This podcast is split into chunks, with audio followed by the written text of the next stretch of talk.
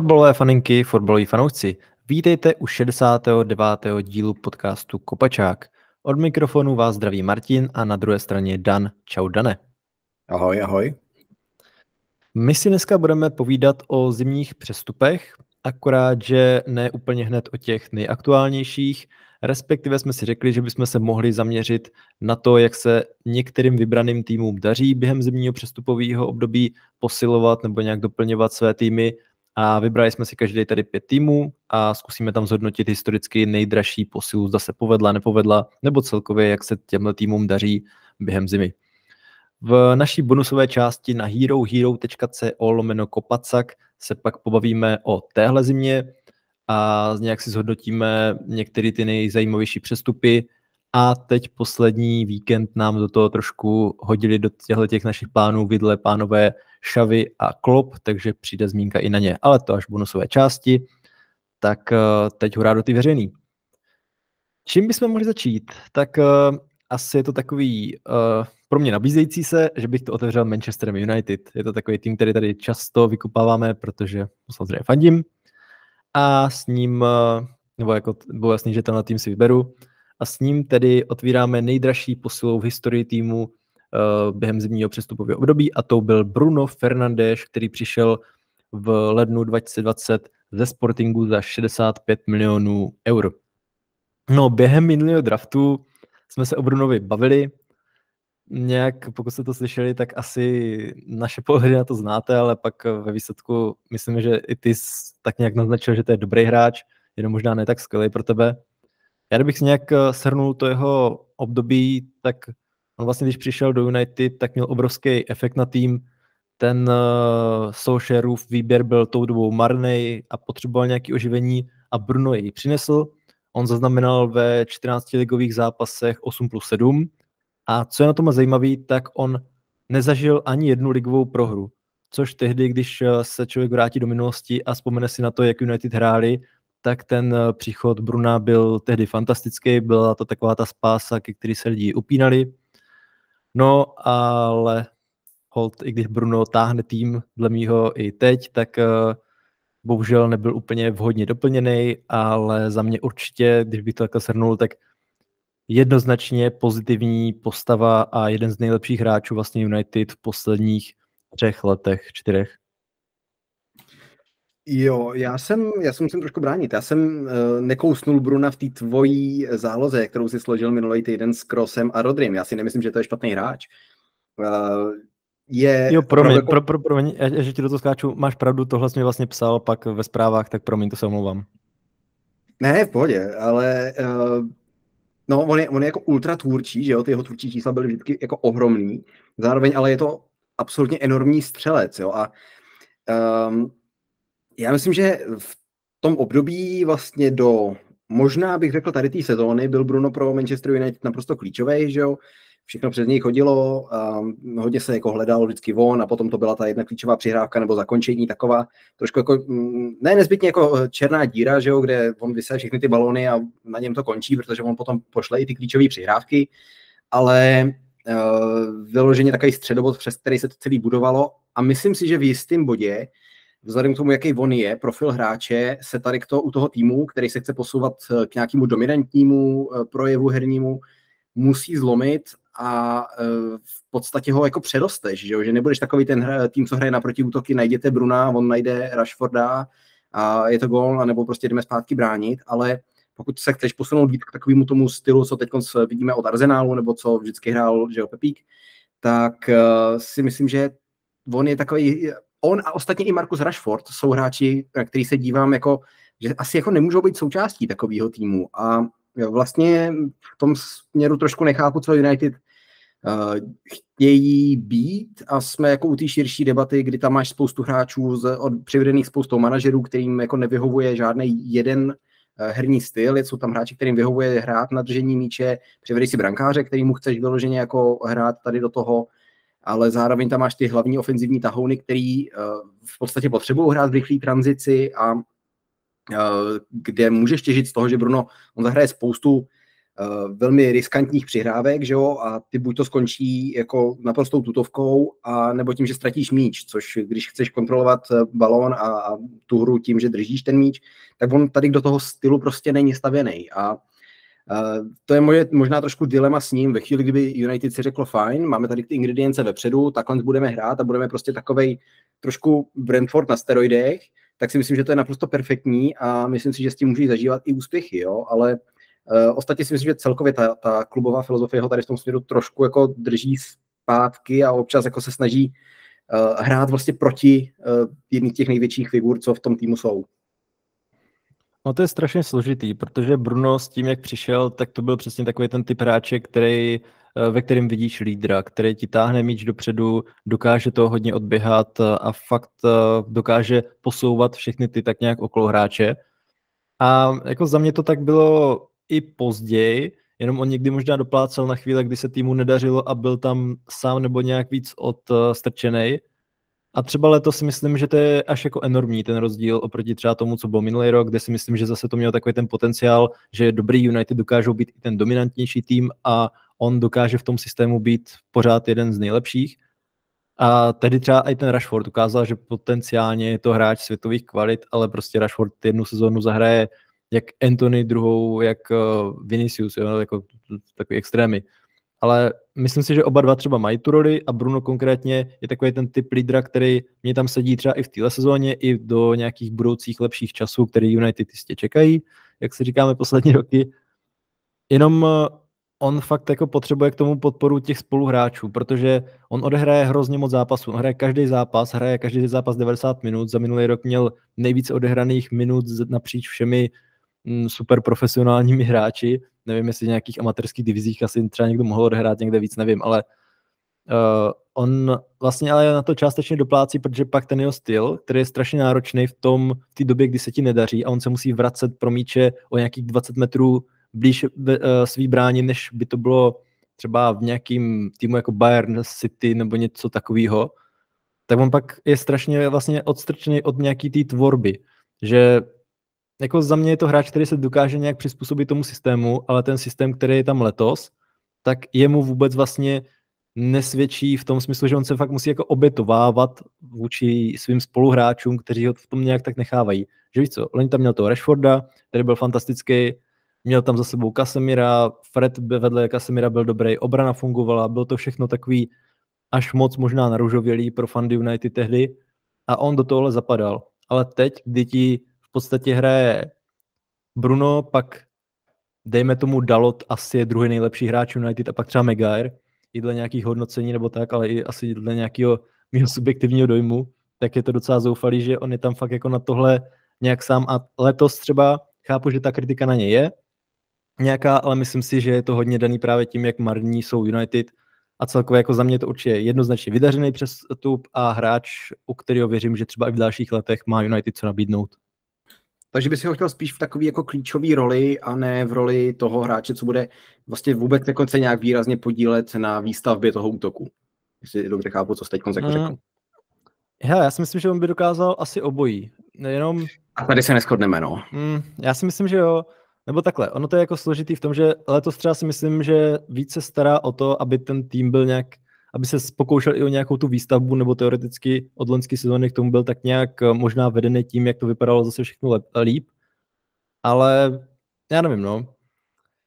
No já eh, totiž jako u něj vnímám, že každá jeho přihrávka je pozitivní. Což je na jednu stranu skvělá věc, problém je, že u něj to znamená, že ne každý ten pás najde cíl a myslím si, že u něj je to takový, že jedna ze čtyř um, jako tradičně a je úplně jedno, jaká sezóna to je a jak United hrajou, prostě skončí uh, na kopačkách soupeře.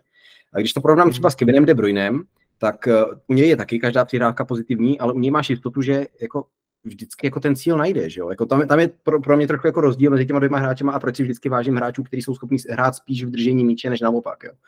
Ale uh, vlastně v té souvislosti mě napadá, co si říkal na Bruna na křídle. Oh, jako zahraje tam, ale není to dle mě ta jeho nejlepší pozice. Hm. Já musím říct, že mi se to hodně líbilo, protože já jsem koukal a jemu zůstaly, když hrál na křídle ty tvůrčí čísla, úplně stejně vysoký, ale zároveň mu hrozně spadly ty střely, což v útoku United, kde jako je to asi sedmý rok po sobě, co všichni chtějí střílet a nikdo nechce tvořit, si myslím, že to bylo jako velmi dobrý řešení. No. Mm, jo, jako z tohle úhlu pohledu asi jo, že pro, to je takový, že pro nějaký konkrétní tým United on může být přínosný tady, někde tady. Za mě asi Uh, nevím, no, já si myslím, že nejlepší to místo je ve středu, ale možná teď doplácí třeba i na to, že v podstatě všichni soupeři ví, že Bruno je jediný vážně nebezpečný hráč United a ostatní si tak nějak dokážou pohlídat, když nemají formu a myslím si, že on třeba na tohle může doplácet i při těch svých číslech, ale já jako celkově si Brunovi věřím, jo? že ona je možná pak takový ten jiný pohled, jaký by byl Bruno v jiných týmech, že vidíme tady nějaký čísla, ale třeba pocitově věřím, že on by zapadl dříve či později do jakýkoliv týmu, kdyby mu to bylo trošku uspůsobeno. Já myslím, že to by potom nebyl Bruno. mm, já nevím, jakože vím, že to já nevím, používám to často, ale to je fakt takový neznámý pro mě místo ohledně toho, jak vidím Bruna, jak vidím, co dokáže a jak jasně převyšuje všechny svý spoluhráče na hřišti, ale neviděl jsem ho právě v nějaký ty jiný roli, jo? že United uh, tam přišel prostě hráč, který byl jasně nade všemi, který dokázal dát gol, dokázal nahrát a dokázal to hodně odběhat a všechno se mu vlastně tým tak nějak podřídilo, ale co by se stalo, kdyby Bruno šel, já nevím, třeba do Real Madrid, do Manchesteru City, potenciálně, hypoteticky, tak uh, to jako nedokážu asi říct. Jo. Já třeba věřím, že by se tam prosadil, že by ve výsledku to bylo pro něj z herní stránky možná i takový jako volnější, že by nebyl ten tlak vyložený daný na něj, ale jako je to spíš taková domněnka. Já, ne, já myslím, že jsou věci, co se dají naučit, a to je třeba pressing. Ty jsi zmínil, on toho hodně odběhá, no on toho vždycky hrozně moc odběhal, ale nikdy vlastně On měl největší čísla uh, pressures jo, z hráčů v Premier League a možná jako i napříč Evropou, těžko říct, ale jo, vlastně jako nikdy neměl žádný jako vyhraný ty balóny, jo, protože on prostě přiběh k tomu hráči rovně, což jako technicky za to je to pressure, ale uh, je to nefunkční, že jo, protože najednou on prostě mohl jenom nahrát kolem něj, jo, nebyly to takový ty curved runs, který se dělají při pressingu a podobně, což uh, bylo ze začátku takový tipný, že se jako říkal, že tam běhá jak headless chicken, že jo, ale to stejně hmm. to, co se třeba jako docela naučil, bych řekl, ale hlavně třeba pod, pod Rangnickem jsem si toho všímal, ale uh, pak si myslím, že jsou věci, které jako úplně do něj nedostaneš a to je jako vůbec změnit to, aby byl daleko víc jako uh, jaký recyklátor toho držení míče, namísto toho, kdo prostě zkusí něco vymyslet z ničeho za každou cenu. Já myslím, že to by bylo jako úplně proti jeho, jeho nátuře, no. ale myslím si, že to je zároveň něco, co United poslední roky docela dobře sloužilo a v tom případě jako je to pro vás vlastně jako pozitivní příchod, ne? Jo, jako takhle, to se asi shodneme, že v podstatě to, jak hraje on teď, tak, eh, nebo jako jak hrál loni, tak asi mu to bude sedět možná i víc jako a já mu furt věřím, že by se dokázal prosadit i v jakýmkoliv jiném systému, ale jakože to, co říkáš, tak máš vlastně pravdu, že on sice hodně presuje, ale ano, málo kdy ten míč zachytí. Celkově mu vyhovuje to dostat míč a jít rychleji dopředu, což třeba ne v každém týmu bylo super, ale jako zda by to bylo jinde jinak, nevím. Já jako věřím, že jo, ale je to spíš fakt jako takový hádání, ale věřím mu. A určitě je to pozitivní příchod. A Možná se můžeme dostat nějakým shrnutím ještě na ty další, nebo jestli máš něco k Brunovi? Jestli chceš, tak dalšího tam máte vlastně, a to je, to je zajímavý, Juana Matu a pak Alexis Sanchez. Hmm.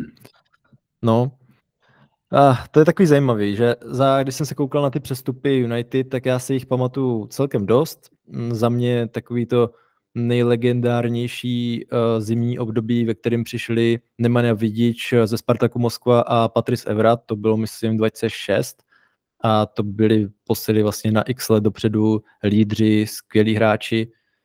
A byl tam taky dříve uh, úplně v dávnější historii, a to už si jako nepamatuju, ale Steve Bruce, který vlastně pomáhal Fergusonovi vystavět ten jeho tým, Andy Cole později, prostě taky legendární hráč. No ale pak tam právě máš i takový jako Alexis Sanchez, a právě Juan Mata. Juan Matu beru ve výsledku pozitivně, protože on byl předtím dva roky nejlepším hráčem v Chelsea a já jsem mu měl strašně moc rád. I když rád za Chelsea, tak eh, na mě působil jako někdo, kdo si počíná velmi chytře, mm, i z nějakých těch rozhovorů na mě působil jako obrovský sympatiák, což se pak vlastně potvrdilo i v United, četl jsem jeho blog bylo vidět, že to je vlastně strašně vníma, vníma, vnímavý chlap, který se zajímá o svět a jenom on mu asi doplácel na to, že přišel v blbý době, on měl super nástup, ukázal se jako velmi dobrý hráč, ale pak eh, on jako nebyl nikdy tak rychlej, nebyl silný v bránění, což pak za Fanchala už bylo takový horší, nedokázalo vlastně tím pádem docenit ani Mourinho. A ve výsledku, když se pak srovnáš tu jeho částku a ty očekávání, tak jako mohlo to být splněný, ale nebylo mu to úplně, mm, prostě United nebyli týmem pro něj, ale jako nebral bych to úplně jako flop. Zatímco Alexis Sanchez tehdy asi jeden, já nevím, ze tří nejlepších hráčů Premier League třeba, který měl tým posunout, eh, ale co si pamatuju, tak ty první zápasy byly hodně křičovitý. Tam v podstatě byl Lukaku na hrotu, marný Pogba v záloze a kolikrát ta taktika byla, že nakupneme to na Lukaka, ten tam něco svým tělem třeba udělá. Mezi ním a zálohou byla 20-30 metrů mezera. No a Alexis měl být tou další útočnou silou, která to tak nějak spojí, ale on se ztrácel, bylo to hrozný v té první půl sezóně, pak další sezóna byla ještě horší a to jsem právě tehdy věřil, že ta sezóna bude i ta jeho, že zase se ukáže, ale fakt mu to vůbec nešlo a po roce a půl odešel. To byl jako docela dobrý flop, no. No a ještě mě jako zajímá, když jsme u United a u lednového přestupového okna, co říkáš na ty vaše zimní hostovačky hrotových útočníků typu Igalo a Weghorst a jestli by si bral někoho takového teď? Ha, jestli bych bral někoho takového teď, na tím jsem se upřímně nezamýšlel, ale Igalo Weghorst, já jsem to bral nějak, že je fajn tyhle hráče v týmu mít, nějak to vždycky dokázalo pomoct. Třeba Weghorst měl loni skvělý začátek, který to jako, když se takhle na, zamýšlím nad Vegorstem, tak si řeknu, že nebylo to nějaký super povedený, ale on herně byl skvělý, jenom se čekalo, že bude dávat i ty góly a ve výsledku, když se takhle člověk na tím ohlídne, tak vidí, že to byl jenom hráč, který strašně moc běhal, který vlastně nedal skoro žádný góly a neměl to, to ten přínos. A i Galo, ten tam byl takový sparring na tréninky, ten nehrál tolik zápasů, jako na doplnění týmu byl super, dal i nějaký góly, ale to jsem bral fakt jenom takový, že on je rád, eh, nebo jako, že, jsem, že mu byl splněný takový ten jeho sen zahrát si za United, nebo to taky mohl říkat každý. A ve výsledku on si nestěžoval, nějak eh, když nastoupil, tak eh, si počínal dobře, stejně jako ten Vegors, který byl rád za tu šanci, odběhal to a jako na doplnění týmu dobrý. A teď, jestli bych někoho takového chtěl, já nevím, asi snad ani ne. A možná narážíš na Čoupa? Čupa nedostanete, protože Čupo nikdy v kariéře nepřestupoval jinak než jako volný hráč, uh, což je jo. fakt. jo, um, jediný, co za někdo zaplatil, tak byla nějaká loan fee někdy před 15 eh, lety, když začínal, ale a v létě mu končí smlouva, že a půjde někam zadarmo a zase skrávne ten bonus, prostě jako to je, to je genius ten chlap v tomhle tom směru.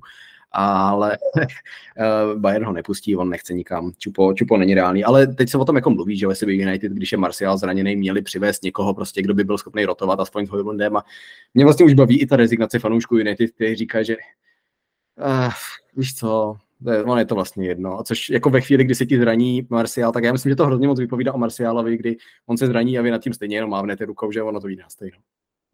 Hmm, tak on stejně hrával kolikrát na hrotu, a když, eh, teda na křídle a když už nastupoval na hrotu, tak já jako fakt nevím, jestli on byl zdravý tři zápasy po sobě, když to jak jako přeženu, on se hned zraní v podstatě. A jako jasný, když se podíváš na nějakou tu sestavu, tak je to v podstatě asi jediný hroťák vedle Hojlunda.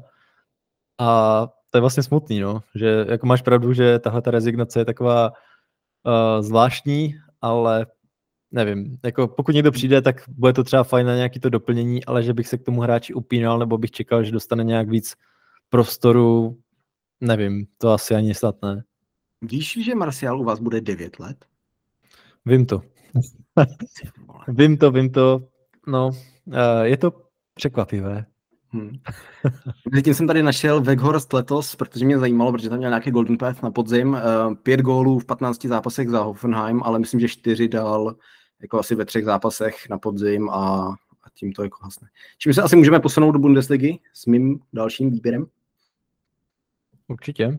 Respektive s mým prvním výběrem, protože já jsem na začátek vzal Bayer Leverkusen a ve chvíli, kdy jsme si řekli, že to budeme brát jako nějaký přední kluby a s jakým jsme tady posledně brali jako všechny velký v Evropě, což se nám natáhlo i s bonusem asi na tři hodiny, tak jsme si řekli s Martinem, že dáme každý pět. Ale uh, jedno to místo si vyplácám na Bayer Leverkusen, což jako tuhle sezónu je asi jako fér říct, že je to přední klub, protože je jediný neporažený tým v Evropě a bodový tempo má jak Pepkovo Bayern. Ale když jsem koukal napříč Evropu na to, kdo by se tady dal zmínit jako zajímavý uh, aktér na tom lednovém přestupovém trhu, tak oni na mě vyskočili vlastně pro mě úplně nečekaně, ale já když tady teď přečtu ty čtyři jejich nejdražší lednový přestupy, tak ono to dává strašný smysl. Jeremy Frimpong, Leon Bailey, Exequiel Palacios a Edmond Tapsoba. Tři obrovský opory toho aktuálního Leverkusenu jsou podepsaný v lednu vlastně a uh, No, ta čtvrtá, tak to je frajer, co vlastně přišel a za vlastně 100% profit ho potom prodávali. Když bych to měl nějak jako vzít, tak ta psoba je nejdražší ten lednový příchod, 20 milionů eh, v sezóně 1920, Palacios 1920, stejný leden vlastně za 17 z River Plate, Leon Bailey 16-17 z Belgie za 16,7 a Jeremy Frimpong 2021 Celtic za 11 milionů. Takže žádný extra jako částky velký, i když jako na Leverkusen třeba 20 milionů není něco, co, nad čím by se jen tak mávlo rukou.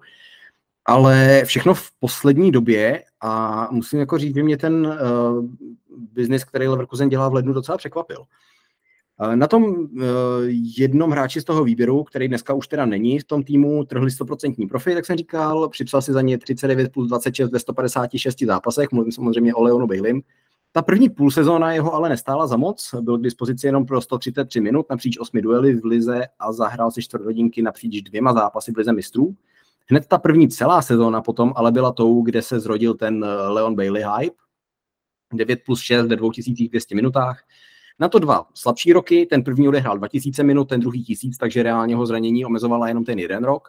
Ta atmosféra kolem něj ale byla taková především v zahraničí, čímž myslím Anglii, že je to pořád ta mladá superstar a Bůh ví co všechno. A uh, tu svoji poslední sezónu v Německu to asi trochu ukázal, 9 plus 9 ve 2100 minutách Eh, přesto jsem ale tvrdil, že to jeho renomé je v zahraničí lepší než v lize, kde skutečně hraje, což je trošku trend u hráčů Leverkusenu, když se teď podívám na Jonathana Zaha třeba. Ale na základě toho ho potom Leverkusen dokázal prodat za 32, když ho přivedli za 16. Frimpong už víc stručně eh, klíčový v těch minulých sezónách, kdy Leverkusen spoléhal skoro výhradně na útok v tranzici, přišel za 11 mega, eh, v létě asi odejde za, nevím, říká se cirka čtyřnásobek. A dovolím si tvrdit, že to je vlastně ideální doba i pro Leverkusen, pokud by k tomu tak došlo. Letos se ukazuje, že ty jeho schopnosti v kombinaci mají mezery, eh, že je to víc solista do tahu, no a defenzivně je tam na můj vkus až moc lapsů eh, od něj letos. Eh, takže Leverkusen z něj podle mě pro svoje potřeby vytřískal maximum a teď na něm trhne balík. Palacios z River Plate za 17 mega a hele, máš tady mistra světa. Palacios je totiž mistr světa s Argentinou a nebyl to žádný nevyužívaný náhradník, ačkoliv v základu tu jeho roli hrál Rodrigo de Paul. V Leverkusenu ho ze začátku hodně trápily zranění, nemoci, svaly, záda, hrozně se to střídalo, každý rok si něco vybere a aktuálně taky chybí. No ale když chybí, tak chybí. No. On je totiž, a to říkám často a rád, ten nejlepší středopolař v Leverkusenu, Minulý rok měl nejvíc instancí vyhraného držení míče za 90 minut ze všech hráčů, nebo ze všech středopolařů v Evropě, což bych předpokládal, že když je to u středopolařů, tak to bude nejvíc i ze všech hráčů. Eh, je to perfektní technik, ehm, je to vlastně takový trošku Tiagovský hráč, ale defenzivně je silnější a trošku slabší, jako takový ten kouzelník, ale eh, obdobně všestranej bych řekl. No a kdo vlastně nás poslouchá pravidelně, nebo třeba i čtedí liga, co píšu na Football Club, tak musí vědět, jak moc já tady toho borce zbožňuju dával do své sestavy a co jsme tady draftovali, že jo? Uh, tak asi jenom velmi stručně, jako perfektní obránce do moderního systému, silný paser, skvělý dribbler, dokáže vyvést ten balón, mobilní, silný, agresivní. No, zakončil bych to teda tím, že mě popravdě hodně překvapilo, jak excelentní biznis Leverkusen v lednu dokáže dělat a rád bych tady jako je v tom případě zařadil do toho svého výběru, nebo rád jsem je tady kvůli tomu zařadil do toho svého výběru. No. Klobouček. A já jsem rád, že si je jsem zařadil, protože já jsem si teda neuvědomil, jak, eh, nebo jak mám spojený nějaký přestupy lednový s nějakýma týmama, tak jsem si teda nespojil Leverkusen s tolika úspěšnými obchody. Ono, jako k těm čtyřem hráčům, co jsi zmínil, tak eh, tam bych asi toho víc neřekl určitě než ty, ale celkově, jak jsi mě vlastně oznámil, že budeš mluvit o Leverkusenu, tak když jsem to viděl, tak mě to jako překvapilo a moc jsem to jako upřímně nechápal, a když jsem to otevřel, tak ve výsledku bych všechno podepsal, co jsi tady řekl, protože ono to není jenom o těchto čtyřech hráčích, ale třeba i historicky tam šel Lucio, Bernd Leno, můj velký oblíbenec Dimitar Berbatov, který vlastně taky přišel v lednu. A... Michal Kadlec. Ano, mám tady i právě dvojici Čechů, Michal Kadlec a Michal Papadopoulos, oba dva právě přišli taky v lednu.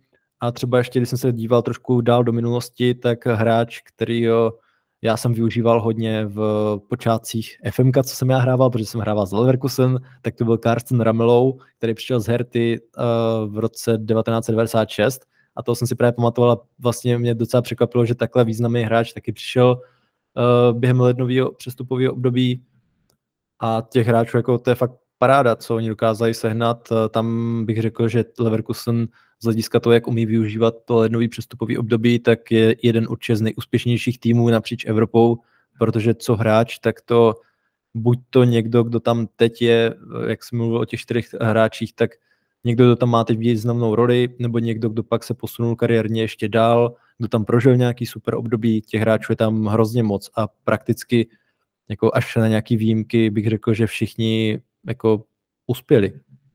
Jo, další, který by se dal zmínit, uh, Julian Brandt, že jo, který ho někdy v jeho 16-17 letech přivedli, uh, bych kecal odkud z Wolfsburgu, uh, nebo něka, někde a pak ho vlastně prodávali, a já nevím, za kolik to bylo, já myslím, že to nebylo za stolik vlastně do, do toho Dortmundu, ale taky, že jo, odvedl tam skvělou práci a nakonec na něm trhli vzhledem k tomu, že ho přivedli jako juniora, dovedu si představit obrovský balík.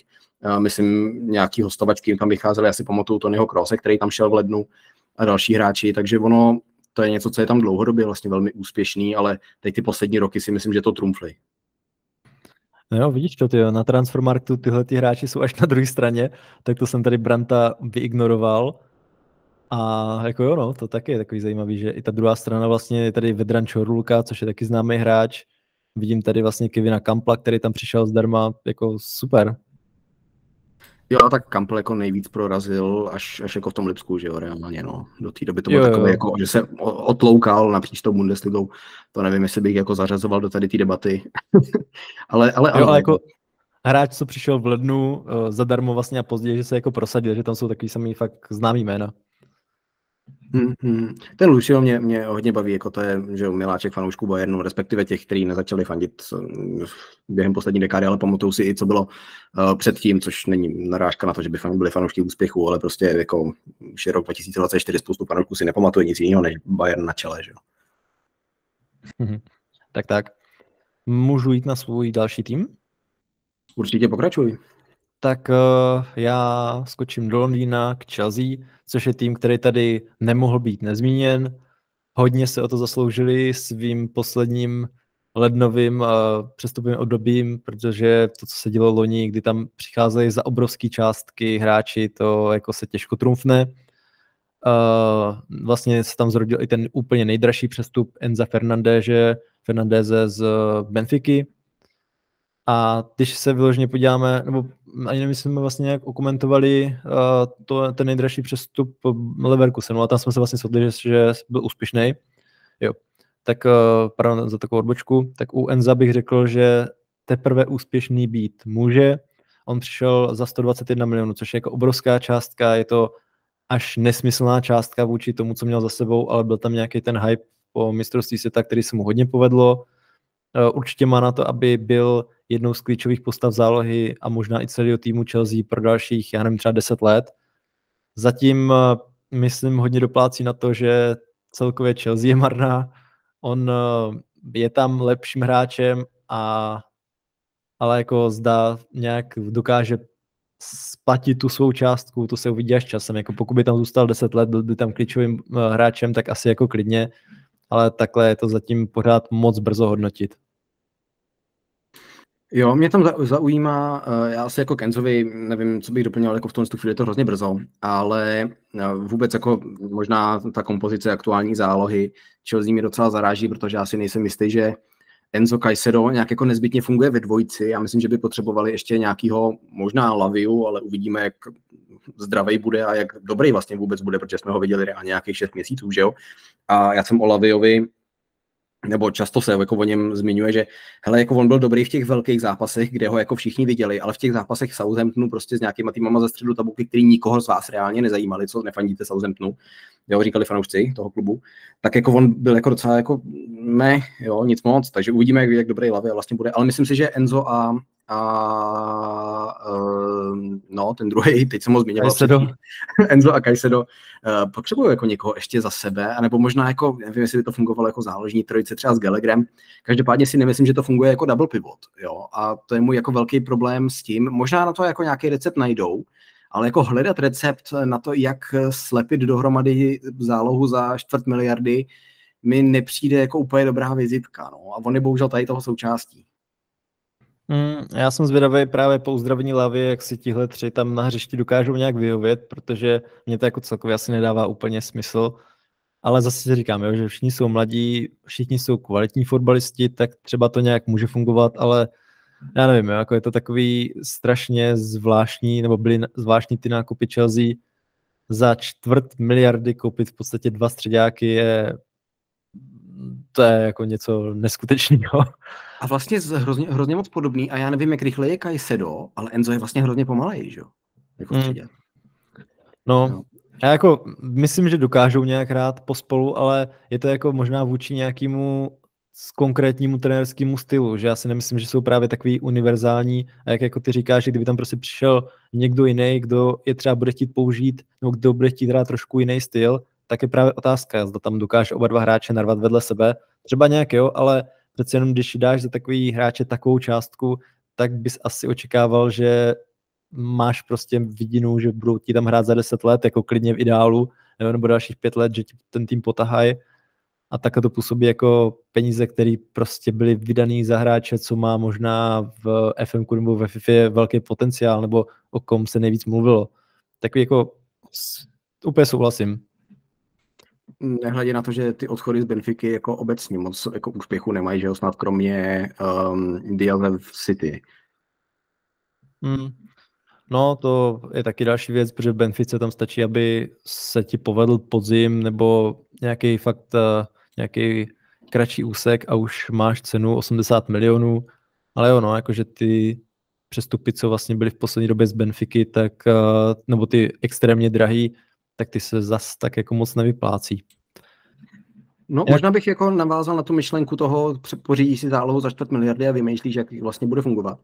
Že ono, mně se hrozně líbí téze, že eh, když si koupíš hráče za takovou částku, jako je třeba Mudrik za 70 milionů, tak bys neměl hledat způsob, jak z něj toho 70 milionového hráče udělat. Jo? Že to je taková částka, kdy už chceš jako kupovat toho hráče tak, jak je, a ne eh, kupovat to, že to je ten jeho potenciál, ke kterému ho možná můžeš dostat.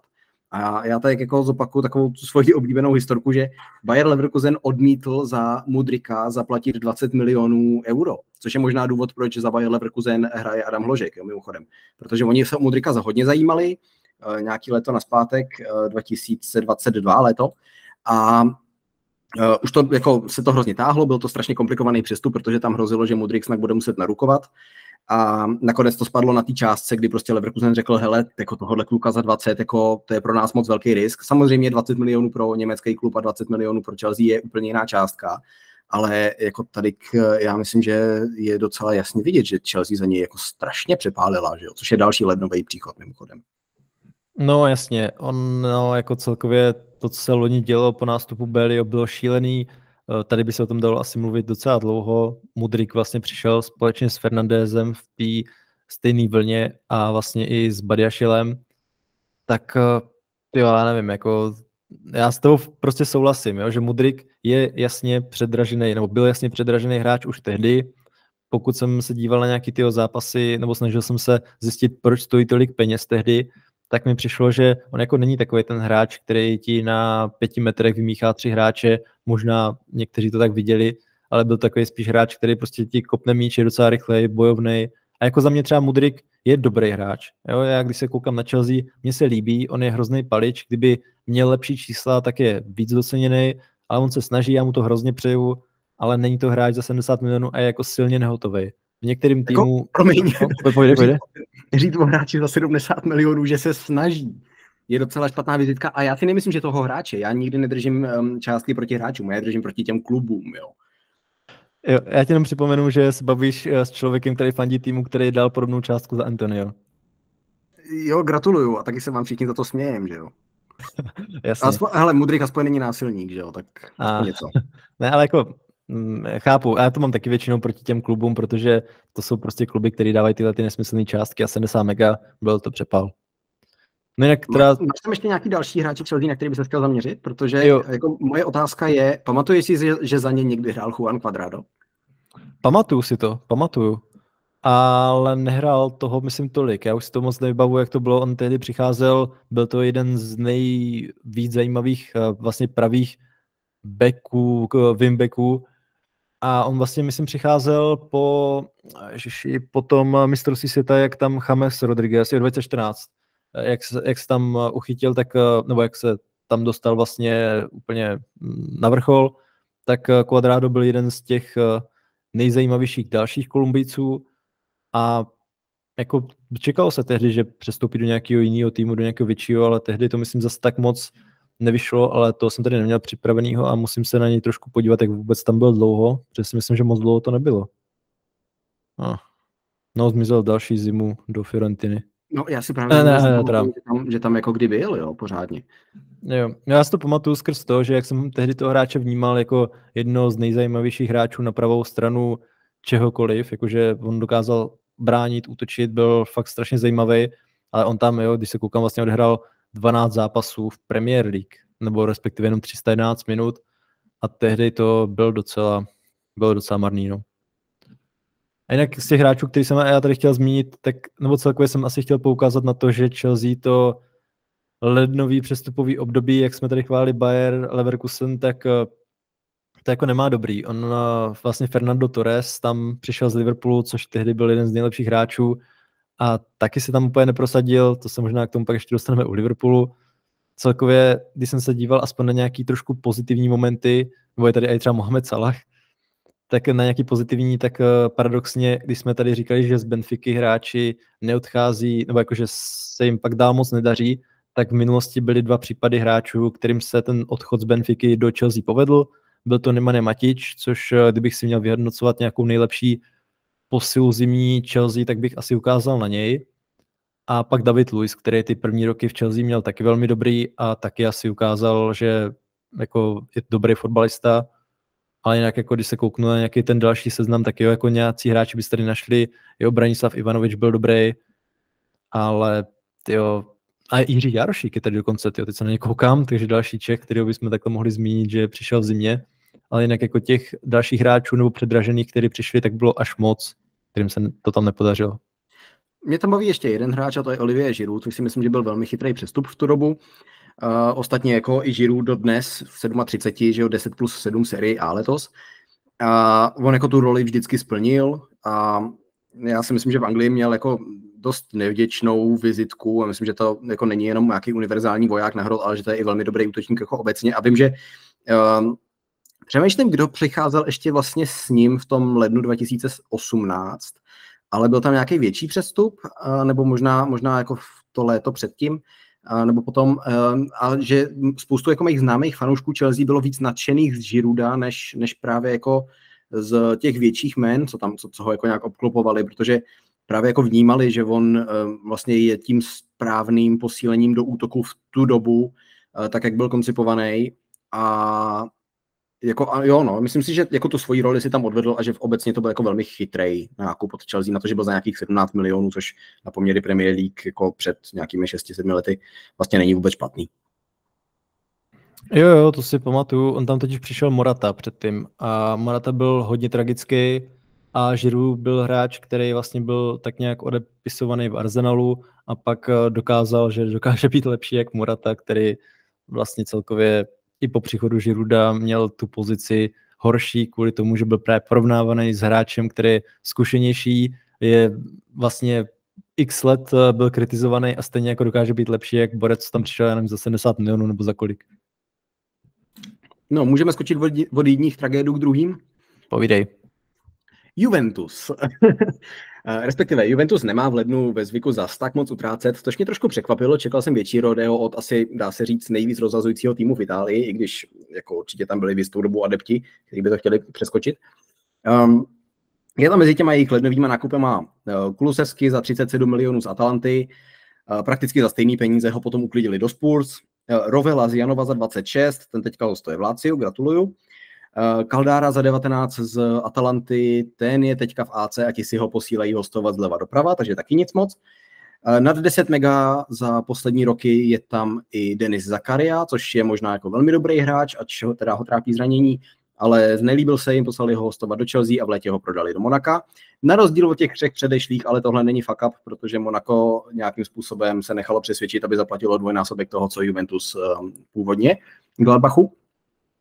No a nad 10 mega jsou tam ještě i Mohamed Sissoko před 16 lety z Liverpoolu a ještě minulý tisíciletí, což byly velký prachy, Thierry Henry, ten tam byl půl roku, než ho s profitem prodali do Arsenálu. Uh, pak je tam ale ještě jeden strašný přepál, Dušan Vlahovič za 84 mega z Fiorentiny. A jako rád bych na úvod eh, možná zmínil, že já ty částky nedržím proti těm hráčům, ale proti těm klubům. Eh, s čím se asi jako můžu do Vlahoviče trošku, trošku pustit. Jo? Já nemám nic nezbytně proti němu, Uh, občas je mi to předhazovaný, jako já beru, že je mu 24, měl 7 gólů v tom prvním půlroce, byl jako slabší loni, to asi jako by se shodli všichni, tam, tam jich střelil 10, letos už je na 12 a mluví se o nějaký, jako jeho nějaký remontádě. Uh, já myslím, že je to celkem jako docela OK hroťák, jo, ale nikdy to nebyl útočník za 84 milionů, a říkal jsem to už tehdy, když byl spojovaný s Arsenálem a Spurs, když ještě kopal ze Fiorentinu. Myslím si, že ty jsou rádi, že se mu vyhli, i když možná jako většina jejich fanoušků by v tuhle chvíli řekla, že ne. Um, No, Vlahovič je v zásadě 15 gólový střelec a 15 gólových útočníků ti tu běhají tucty. Ve Fiorentině převyšoval svoje XG jako blázen a ten Vlahovič z Juventusu je teda ten skutečný on, ne naopak, jak se občas zkouší tvrdit. Jemu ve prospěch hraje to, že je pořád mladý a je tam nějaká naděje takového toho, co by mohlo být. A neříkám, že z něj nebude dobrý střelec, uh, mám ale svoje pochyby, jestli někdy bude vůbec jako dobrý komplexní hráč. Vlhovič je technicky docela poleno, dovede být ten focal point, dostat přihrávku, sklepnout to někomu v náběhu, ale ta přihrávka musí jít po zemi, protože Vlahovič totiž vyhraje jenom jednu třetinu ze svých vzdušných duelů, tolik k té představě, jaké je to kladivá do vápna nebo targetman. Um, že by s míčem vymyslel cokoliv působivějšího je naprosto mimo. Uh, vlastně bych ho chtěl dostat možná jako co nejdál od, od míče při budování útoku, protože šance, že ho ztratí, je dost vysoká. I jako střelec má velký mezery, na bránu míří jenom jedna třetina jeho střel, průměrně hroťáci trefují prostor mezi třemi tyčemi asi ze 40%, on je na 32%. Eh, ty góly mu pomáhají nahánět penalty a já nejsem člověk, co by někoho schazoval, nebo co by schazoval něčí schopnost zahrávat penalty a pokutový kopy. Myslím si, že to je jako velmi důležitý skill, který potřebuješ mít v tom týmu. Uh, viděli jsme to, když Bayernu odešel Levandovský a najednou si všichni vzpomněli, aha, penalty jsou disciplína, kdo je tady kope, jo, od té doby, co přišel Leva, jste kopali dva, jednu penaltu, aha, chyba. No a jako mimochodem sakra celou tady tu sezónu jedu agendu, kdy počítám, kolik uh, penalt v řadě proměnil Hakan Čalhonoglu, že jo. Jestli mi žádný neunikl, tak, tak teď je to 8 z 8. Ale musím to zohledňovat, když chci mluvit o Vlahovičovi jako o hráči jako takovým. Eh, bez nadsázky Skamaka byl před těmi lety daleko zajímavější talent a u Skamaky jediný, co potřebuješ, je, aby se začal sakra na tom hřišti hejbat, Lenoch jeden. U Vlahoviče tam, je jako, tam vidím opravdu ranec mezer ale zrovna tohle jako mm, bych, bych zopakoval, nemá být odsouzení toho hráče. Jo? Jako je pořád mladší, ty vzdušní souboje můžou jít nahoru, mladší hráče mají obecně malou úspěšnost a pak to jde nahoru tím, jak dorůstají do svého těla, na druhou stranu už je mu taky 24 a nějak se to nehejbe furt. Stejně tak eh, vlastně to zakončování, mluvili jsme tady před pár týdny o tom, že když třeba Diaby přišel do Leverkusenu, tak mu to lítalo pomalu do autu a Vinicius Junior ty první roky a podobně, že jo. No jenže u Vlahoviče taky zase nevidíme žádný posun, jako reálně je to pořád těch nějakých 30-32% střel, co jdou na branku a, a nic víc. Um, ta technika taky jako spíš nahoru nepůjde, že jo, to je jako nějaká, nějaká věc, co by tam už nejspíš byla, ale jako může být naprosto funkční hroťák, co dá i s penaltama k 20 gólům za rok, nebude ale nikdy patřit do té konverzace k Levandovskému, Kejnovi, Osimenovi a dalším. A tady já mám ten problém. Jo. Ten jeho strop asi spíš nikdy nebyl na těch 80 milionech. Juventus přeplatil nejenom tu jeho tehdejší cenu, ale i maximum, na který se mohl vlastně kdy vůbec vyšvihnout, což je teda především kritika klubu, ne hráče. A jsem možná trochu víc razantní s tímhle tématem, protože tady existuje nějaká představa Vlahoviče jako nějakého top-top útočníka, excelentního targetmana a to i mezi lidmi, jejichž názoru na fotbal si jinak docela vážím. Jo, Vlahovič za 80 v lednu je teda fuck up, a byl by to fuck up, kdyby to bylo v létě, kde by svítil teda vedle hráčů jako Iguain a Ronaldo, což teda já bych v tady té souvislosti doporučil Juventusu už nikdy neutrácet více jak 40 milionů, protože jim to prostě nejde. Dobrý doporučení. Vlahovič, no, tak co o něm říct? Eh, my jsme se o něm vlastně bavili už v nějakém našem, jo, to bylo vlastně ve speciálu, kdy jsme hodnotili ten jeho přestup, nebo celkově, ne, ty jsi vlastně... Debank. Debank, jasně. Vznikal. Jo, jo, jo. No, a tehdy vlastně on byl v trošku jiný roli, protože byl to jako takový ten hráč, do kterého je úplně jednoduchý se obout, protože se mu nic nedařilo. Teď naopak, třeba poslední zápasy, mu to tam padá, tak zase je to takový, že můžou ti lidi víc to jako předhazovat, že dívejte se, má ty čísla, dokáže dávat góly a já s nimi částečně souhlasím.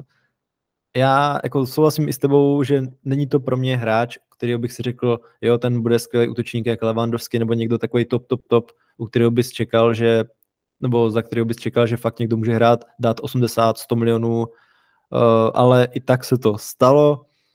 A já třeba reálně věřím, že když Juventus bude pokračovat v těle výkonech, jaký letos ukazuje, a Vlahovič bude tou podstatnou součástí, kterou za mě teď je, a letos má docela dobrou šanci se na těch 20 gólů dostat, takže pak klidně může přijít Chelsea nebo někdo, kdo za něj přes těch 100 mega dá. Není to úplně něco, co bych pak vyzdvihoval určitě jenom takhle tou optikou dnešního trhu. Se mě to vlastně skoro nabízí, že Juventus možná ho ještě může speněžit za lepší částku, nebo alespoň za tu podobnou. Nevím, jako reálně prostě sáhněte po, Touným nebo Vodkincovi, prostě jsou to lepší hráči než Vlahovič. Jo. To je... Jo, jo. Mě, mě vadí, no. že je v tady té debatě tak vysoko, protože si myslím, že jako i vlastně on, kdyby měl přestoupit do té do tý někam jako víc exponovaný ligy, nebo někam, kde bude víc na očích, tak jako pro něj je to takový jako setup to fail, jo, prostě nemůžeš uspět, protože zkrátka najednou všichni uvidí uh, ty tvoje deficity, který doteď jako absolutně ignorovali z nějakého mě fakt nepochopitelného důvodu. A No, no, jasně, no, jako vždycky bude mít o, o, o nějaký obhájce, který budou říkat, no jo, ale ty góly dává, jo, jenom já si myslím, že pokud uh, seš uh, tak limitovaný hráč, jak on se jako jeví v těch dalších aspektech, tak musíš dávat góly tempem jako Haaland, jo, a ne jako, jako full kruk, no. Jo, já jako bych mu asi tak celkově doporučil, aby neodcházel z Itálie, protože teď Juventus, když se tam konečně zase rozstřílel, tak kdyby odešel, já nevím, jako kamkoliv, tak si myslím, že by to nebylo pro něj úplně dobrý. Není to určitě hráč, o kterým se, nebo jako o něm se vlastně říkalo možná, že by mohl posílit i týmy jako Real Madrid a tak, což vlastně zpětně mě nedává smysl. Ono to tehdy možná bylo daný i tím, že prostě máš tady hráče, který dá přes 20 gólů za Fiorentinu, tak nějakou logikou ti dá přes 30 gólů za Real Madrid. Hodně lidí nevidělo vůbec eh, ani jak vypadá, jak je velký, nebo nic o něm, ale v podstatě žilo na tom hypeu, aspoň takový já jsem z toho měl dojem. Já teda celkově jsem se tím nechal částečně taky unést, pak když jsem ho začal sledovat trošku víc, tak právě jsem viděl i ty nedostatky. Na druhou stranu třeba letos, když už jsem ho měl možnost párkrát vidět, tak mi třeba přišlo, že technicky na tom není až tak bídně, jak já jsem čekal. A třeba, že i tu techniku střely možná vylepšil, možná jsem si ji dříve tak nevšímal. Jako neříkám, že to je něco úplně špičkového, uh, ale jako nemyslím si, že třeba v těchto těch aspektech, který já bych kritizoval před rokem, před dvěma, takže na nich nezapracoval, anebo že je v nich tak špatný, jak eh, bychom si třeba mohli tady o tom říkat. Jsem celkově zvědavý, kam se ještě může posunout. Je mladý, když by vylepšil zakončení a ta čísla měl zajímavější, tak asi celkově si myslím, že to může být velmi dobře vnímaný po právu útočník. Jo, fajn, a jako tomu, tomu jako určitě nechci ubírat, ale pořád se bavím o tom, že bych dal jako radši Jonathana Davida než, než uh, jeho, jo, třeba i z hlediska nějaký funkcionality pro ten tým a, a podobně. Jako já, to, to, si myslím, že je jako daleko spíš ta úroveň, kde bychom se měli bavit, jakože Vlahovič, Jonathan David a, a další s tím, že David si myslím je daleko komplexnější hráč, než hmm.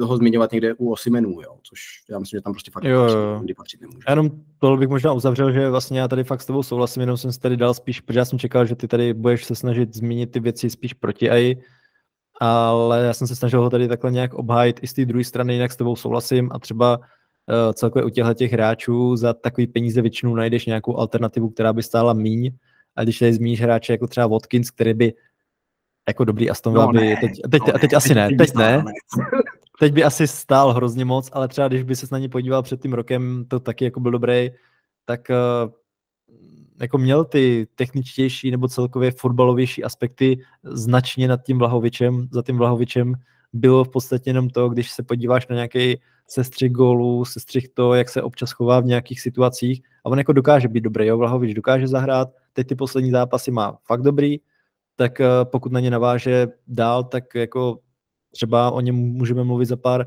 měsíců jako o daleko vyzrálejším hráči a o někom, kdo třeba si ještě zaslouží posun dál. Jako za sebe já tomu nějak extra nevěřím, ale jenom uh, no uvidíme, no. Nechci tady tyjo, říkat nějaký kraviny, protože já vlastně moc ani tomu nevěřím, že se reálně může až tak posunout, ale může k tomu dojít. Hmm, ještě k tomu srovnání s Watkinsem já bych řekl, že uh, Vlahovič je hráč, který ho musíš uh, udělat dobrým, zatímco uh, Watkins je hráč, který tě udělá dobrým. Jo, jo, jo, to právě zase taková ta metrika. Představ si tohle útočníka v barvách Chelsea, která byla marná a vždycky hledala útočníka. Tak u se věří, že když mu dáš mít, že s tím něco udělá, že dokáže ti nějaký ten gol dát, byť by třeba nedal 20 gólů, ale u toho Vlahoviče ví, že bys mu potřeboval dát tu podporu, jako třeba kdysi potřeboval dát uh, Moratovi, anebo těm, těm, kteří už se tam neprosadili. Hmm, zrovna Watkins Chelsea mě teda jako velkou naději nenaplňuje, protože tam spoustu hráčů, co chtějí chodit zleva do vápna a myslím si, že by se to třískalo, ale já už, já už tam zase přemýšlím moc, moc uh, uh, nějak jako do té struktury. Uh, pojďme k dalšímu. Týmu. Jasně. Tak jo, já tady mám teda ještě jeden anglický tým a ten bych nechal nakonec a skočil bych do Španělska, kde se tak nějak logicky nabízelo vzít ty dva největší týmy, a to i přesto, že ne vždycky to bylo až tak zajímavý. Začal bych u Realu Madrid, který nedělá v lednu moc přestupů, má tam pár jako takových, u kterých, na kterých jsem si pamatoval, protože když e, se zamyslím nad lednem a nad e, Real Madrid, tak se mě vybaví dvojce Igain a Gago. A co jsem neviděl, že tou dobou přišel vlastně i Marcelo, což byl asi jejich nejvydařenější přestup. Byl tam i Last Diara, který byl dobrý, Brahim Diaz tam vlastně dostal, ale tím nejdražším hráčem je Renier. A to je někdo, o kom mě možná dokážeš říct ty víc, protože... Ne, já, si, ne. já si vůbec nepamatuju, že bych ho za BVB viděl jinde než na lavičce nebo v nějakých uh, týmových fotkách.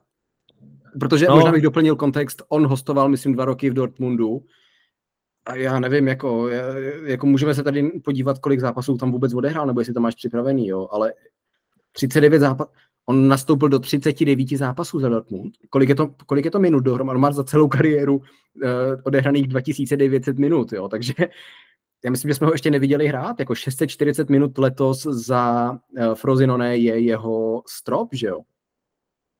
Jo, ano, no, 708 za, za, Flumi, za Flamengo. No, No, vem si jako, že... říct, jako to neexistuje ten hráč. No, jako ono právě, když se takhle podíváš na ten počet třeba Bundesligových uh, zápasů, co on měl, tak on vlastně odehrál 14 zápasů a 13 zápasů, ale když se podíváš na minuty, tak měl 245 a 151, jo, což v podstatě 13 zápasů a 151 minut, jo, to 151, to, jako, to je někdo, kdo ti, kdo ti chodí vlastně na hložka na konec zápasu a takový borec... Ne, ani to ne. no, ani, dobře, dobře. Možná hraje aspoň poháry. Uh, dobře, no, to jsem se tady nekoukal, jak hrál poháry, ale jo, měl tady DFB pokal 90 minut jeden. Uh, no, a právě, že já si pamatuju, když on přicházel do Realu a byl to takový ten Brazilec, co víš, že byl skvělý v Brazílii, co bude obrovský talent, jednou jeden z nejlepších hráčů na světě a tak dál. A mě to jako tehdy nesadilo úplně do toho jejich týmu, že jsem si říkal, jo, nevím, jestli ho teď dokážou nějak uh, jako rozvíjet. Líbil se mně hrozně moc uh, ten krok poslat ho do Dortmundu, kde dostane tu šanci a kde bude dobrý, což se pak ukázalo, že byla uh, no prostě nevyšlo to, vůbec vlastně tam nebyl dobrý, vůbec nedostával šance a... Ale jestli, promiň, se o tom no. dostupit, ono to dávalo smysl a hrozně se na to pozitivně dívalo, i protože vlastně chvíli předtím tam byl Hakimi, že jo, a byl to obrovský úspěch, hostovačka z Realu do Dortmundu. Taky dvouletá. Mm.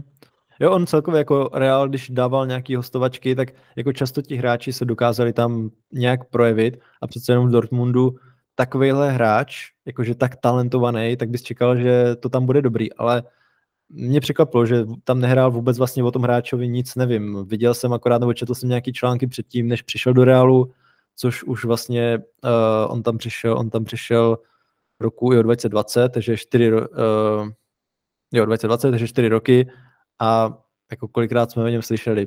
Fakt uh, hráč, který já ani nevím, jako jestli má smysl se tady o něm nějak víc bavit, protože je to hráč, o kterém nikdo nic neví, stál 30 milionů a reálně ty hráč za Real neodehrál jediný zápas. Nikdy no. za Real neodehrál jediný zápas. Jo, jo. To je fakt, on nastoupil jenom za Castillo. Hmm, jako jo, tak zase když jsem přišel v 18, tak třeba jsem nečekal nic jako velkého, ale jo, jako Realu se ty zimní přestupy jako nedělá jich moc, pár těch hráčů tam bylo zajímavých, co jsem se takhle koukal do minulosti, líbil se mi právě třeba ten Marcelo a bral bych pozitivně i toho Gaga s tím uh, Igainem, ale jinak jako tady byly takový jako zajímavý jména, jako uh, ten asi nejslavnější Julien Faubert, což byl mm, nikým nepochopený asi přestup, pak tam byl taky Thomas Gravesen, který tam taky nedopadl úplně dobře.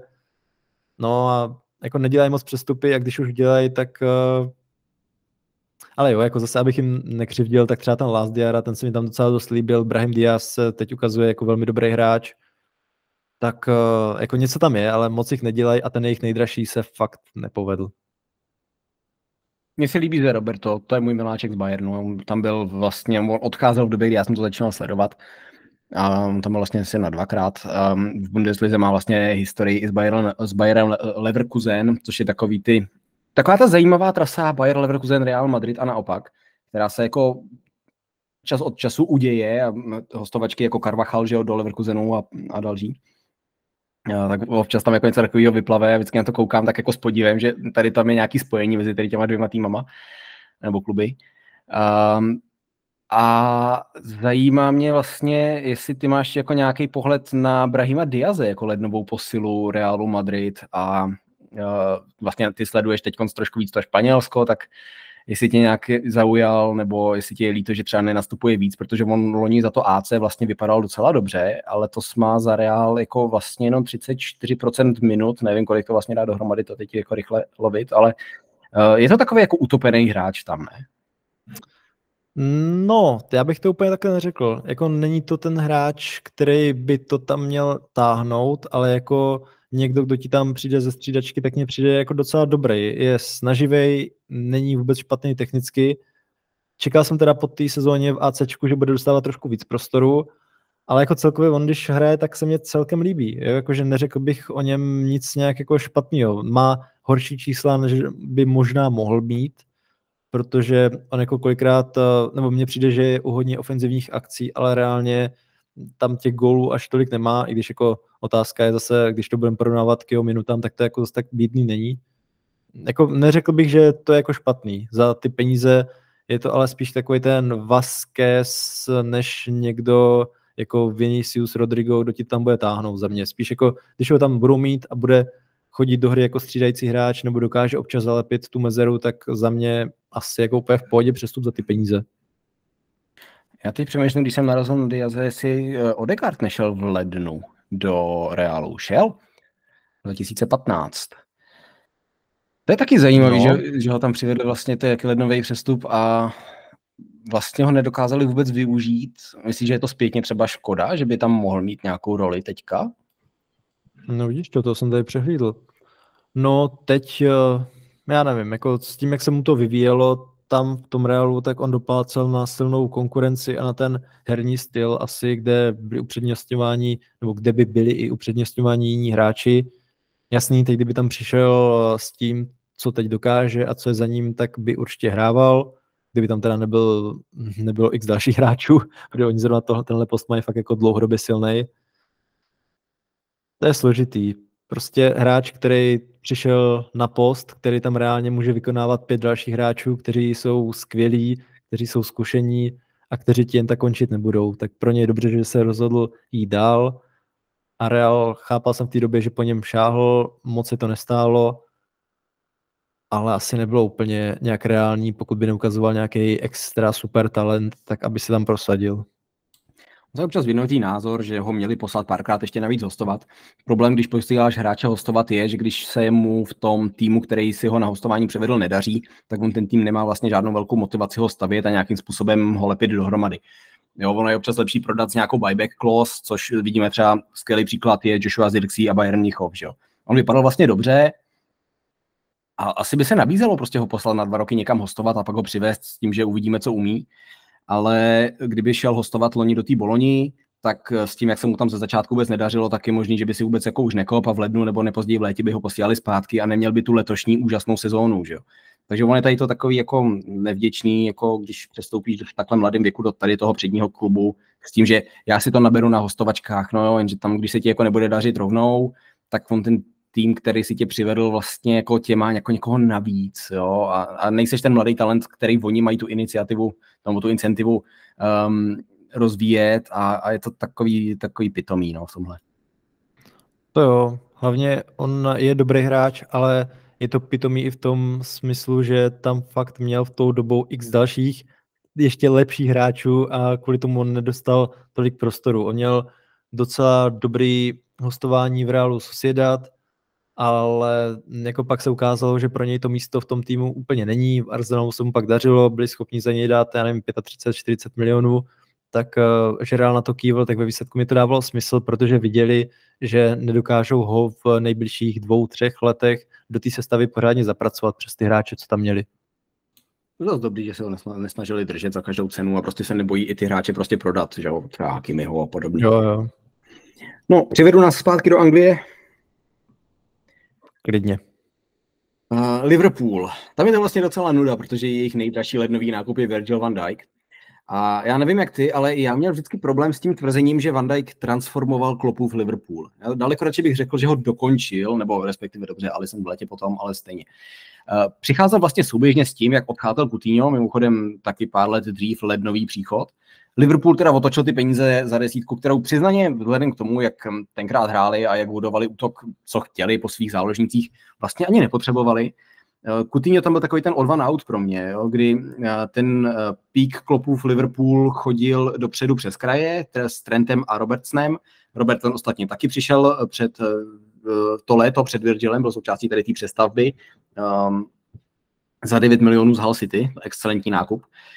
A s tím, jak oni razili dopředu a doplňovali další posilu z toho léta předtím, Salaha a Firmíňa s Manem, tak vlastně ta útočná trojice a ti krajní beci utvářeli tu front pětku v tom rozestavení 2-3-5 nebo potažmo 3-2-5, to M2TV nebo 2TV občas se tomu taky říká, co uh, tvoří všechny ty vlastně přední týmy v držení míče. Um, a ve všech grafikách Manchester City to vždycky vidíme, což mě neuvěřitelně pije krev, že zrovna Manchester City se všechny fotmoby a Sofascory rozhodli, že budou dávat to, jakým způsobem hrajou, když drží míč a už těch ostatních to nedělají, čímž pádem jako tam je vždycky ten Stones v záloze a ne na stoperu, kde by správně měl být. Ale taková moje níž odbočka. Uh, tím pádem tam ale vlastně jako tím, jak hráli to 2-3-5 eh, a dopředu šli ti krajní beci, nebylo místo pro ofenzivního záložníka, celá ta trojice tím pádem vlastně zůstávala ve středové linii a nikdo z nich nebyl ten, kdo by mohl doplňovat ten útok. Ne v tu dobu, Možná by to bylo možný, kdyby Trent třeba chodil na střed a Coutinho bral to jeho místo na desíce té přední linii, ale to tak jako nefungovalo v tu dobu. Ta trojice Fabinho, Wijnaldum, Henderson byla vlastně hrozně pasivní a proto taky, když se dělají ty kombinované sestavy Klopova, Liverpoolu a Pepova City, tak eh, prvních asi šest alternativ, i když eh, to dělají dva fanoušci Liverpoolu, budou záložníci Citizens.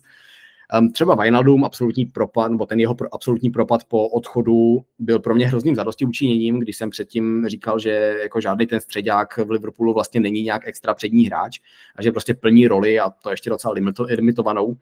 Jo, ne, že by si nezasloužil být v tom týmu, díky tomu to tak fungovalo, jo, ale tak je otázka, jak to bude fungovat jinde, že jo? Přesně, jsme dneska na to taky už narazili. Eh, každopádně do tohohle scénáře teda Coutinho nezapadal, byl prodaný a ty prachy otočili za Virgila, v létě potom ještě za toho Alisna. A to bych řekl, že završilo ten perfektní squad building, eh, který v těch letech 2017-18 probíhal.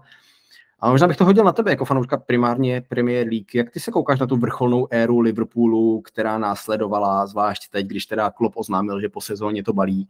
A případně, a to mě zajímá, jak ty vnímáš ten argument, že Van Dijk, a, nebo Van Dijk a případně Alisson transformovali ten tým. A já se ptám, protože mně to přijde dost neústivý k té dlouhodobé excelentní práci, kterou tam, kterou tam dělali, to hodit jenom takhle na ten jeden díl. To rozhodně. Tam to posilování bylo dlouhodobější těch hráčů, kteří vlastně, na kterých Liverpool stavěl a stále staví, tak tam přišlo docela dost. Ale i tak bych řekl, že Van Dijk byl pro mě jeden z těch nejklíčovějších přestupů, protože tou dobou ta obrana, nebo tou dobou Liverpool hrál velmi dobrý fotbal. Uh, hodně se zmiňovalo, že jako takový ten jeden z nejzábavnějších týmů, ale to, co bylo vzadu, to bylo šílený a po příchodu Fandajka se to otočilo tím směrem, že jsi tam měl najednou lídra obrany, ale furt tam byl Mignolet, který nebyl úplně dobrý, nebo jako neměl nejlepší období, nebo ty, nebo jestli tam nebyl Karius, teď si nejsem jistý, který z nich, jo, Karius vlastně tam byl před... Oni je uh... hrozně rotovali, že jo, jo, jo. Potom najednou se Klopp rozhodl, fajn, Karius je jednička a Karius je vlastně dostal do finále ligy mistrů, kde teda bohužel udělal obrovské chyby a uh, od té doby vlastně jako se úplně rozpadl hráčsky. Ale jako ano, no, jako myslím si, že je hmm. potřeba i připomenout, že on je tam vlastně dostal, protože když se dotovali, tak ani jeden z nich neměl dobrý výkony, potom když se řeklo fajn, Karius je jednička, tak, tak on se fakt chytil.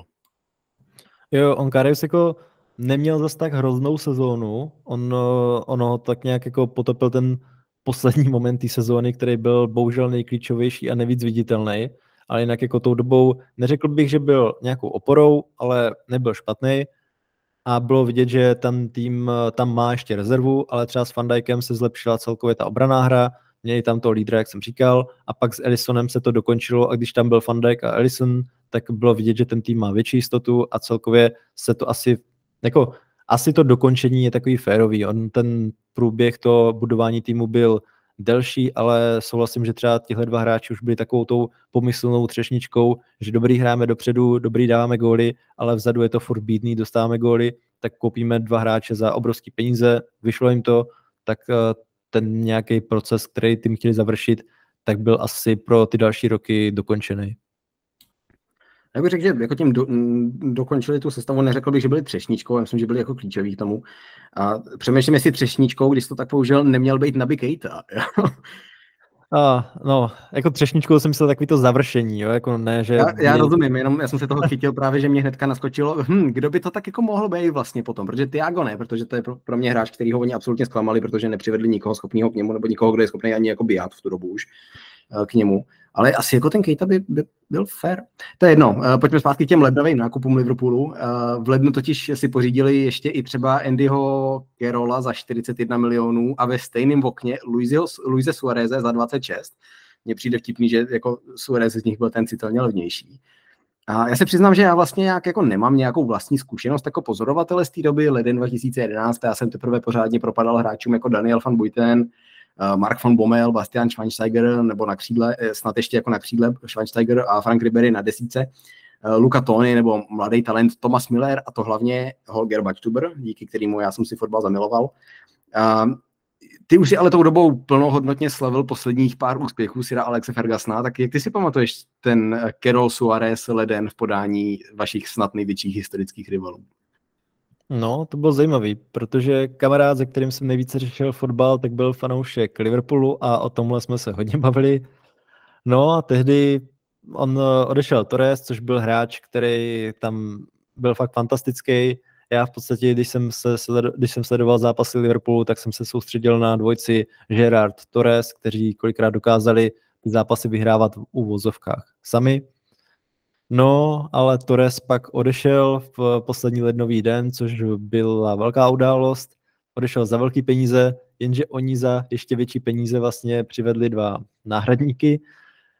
Luis Suarez, no, to si pamatuju, že tehdy byl hráč, který já jsem znal z jo, to nebylo z FMK, to bylo z CSMK. Uh, jo, a tam byl hrozně dobrý, protože jsem tam hrával, jo, no, to jsem hrával za Ajax tak jsem si ho tak nějak i oblíbil, ale ve výsledku jsem o něm nic nevěděl. Pak až přicházel do, do toho Liverpoolu, tak jsem si o něm něco načítal.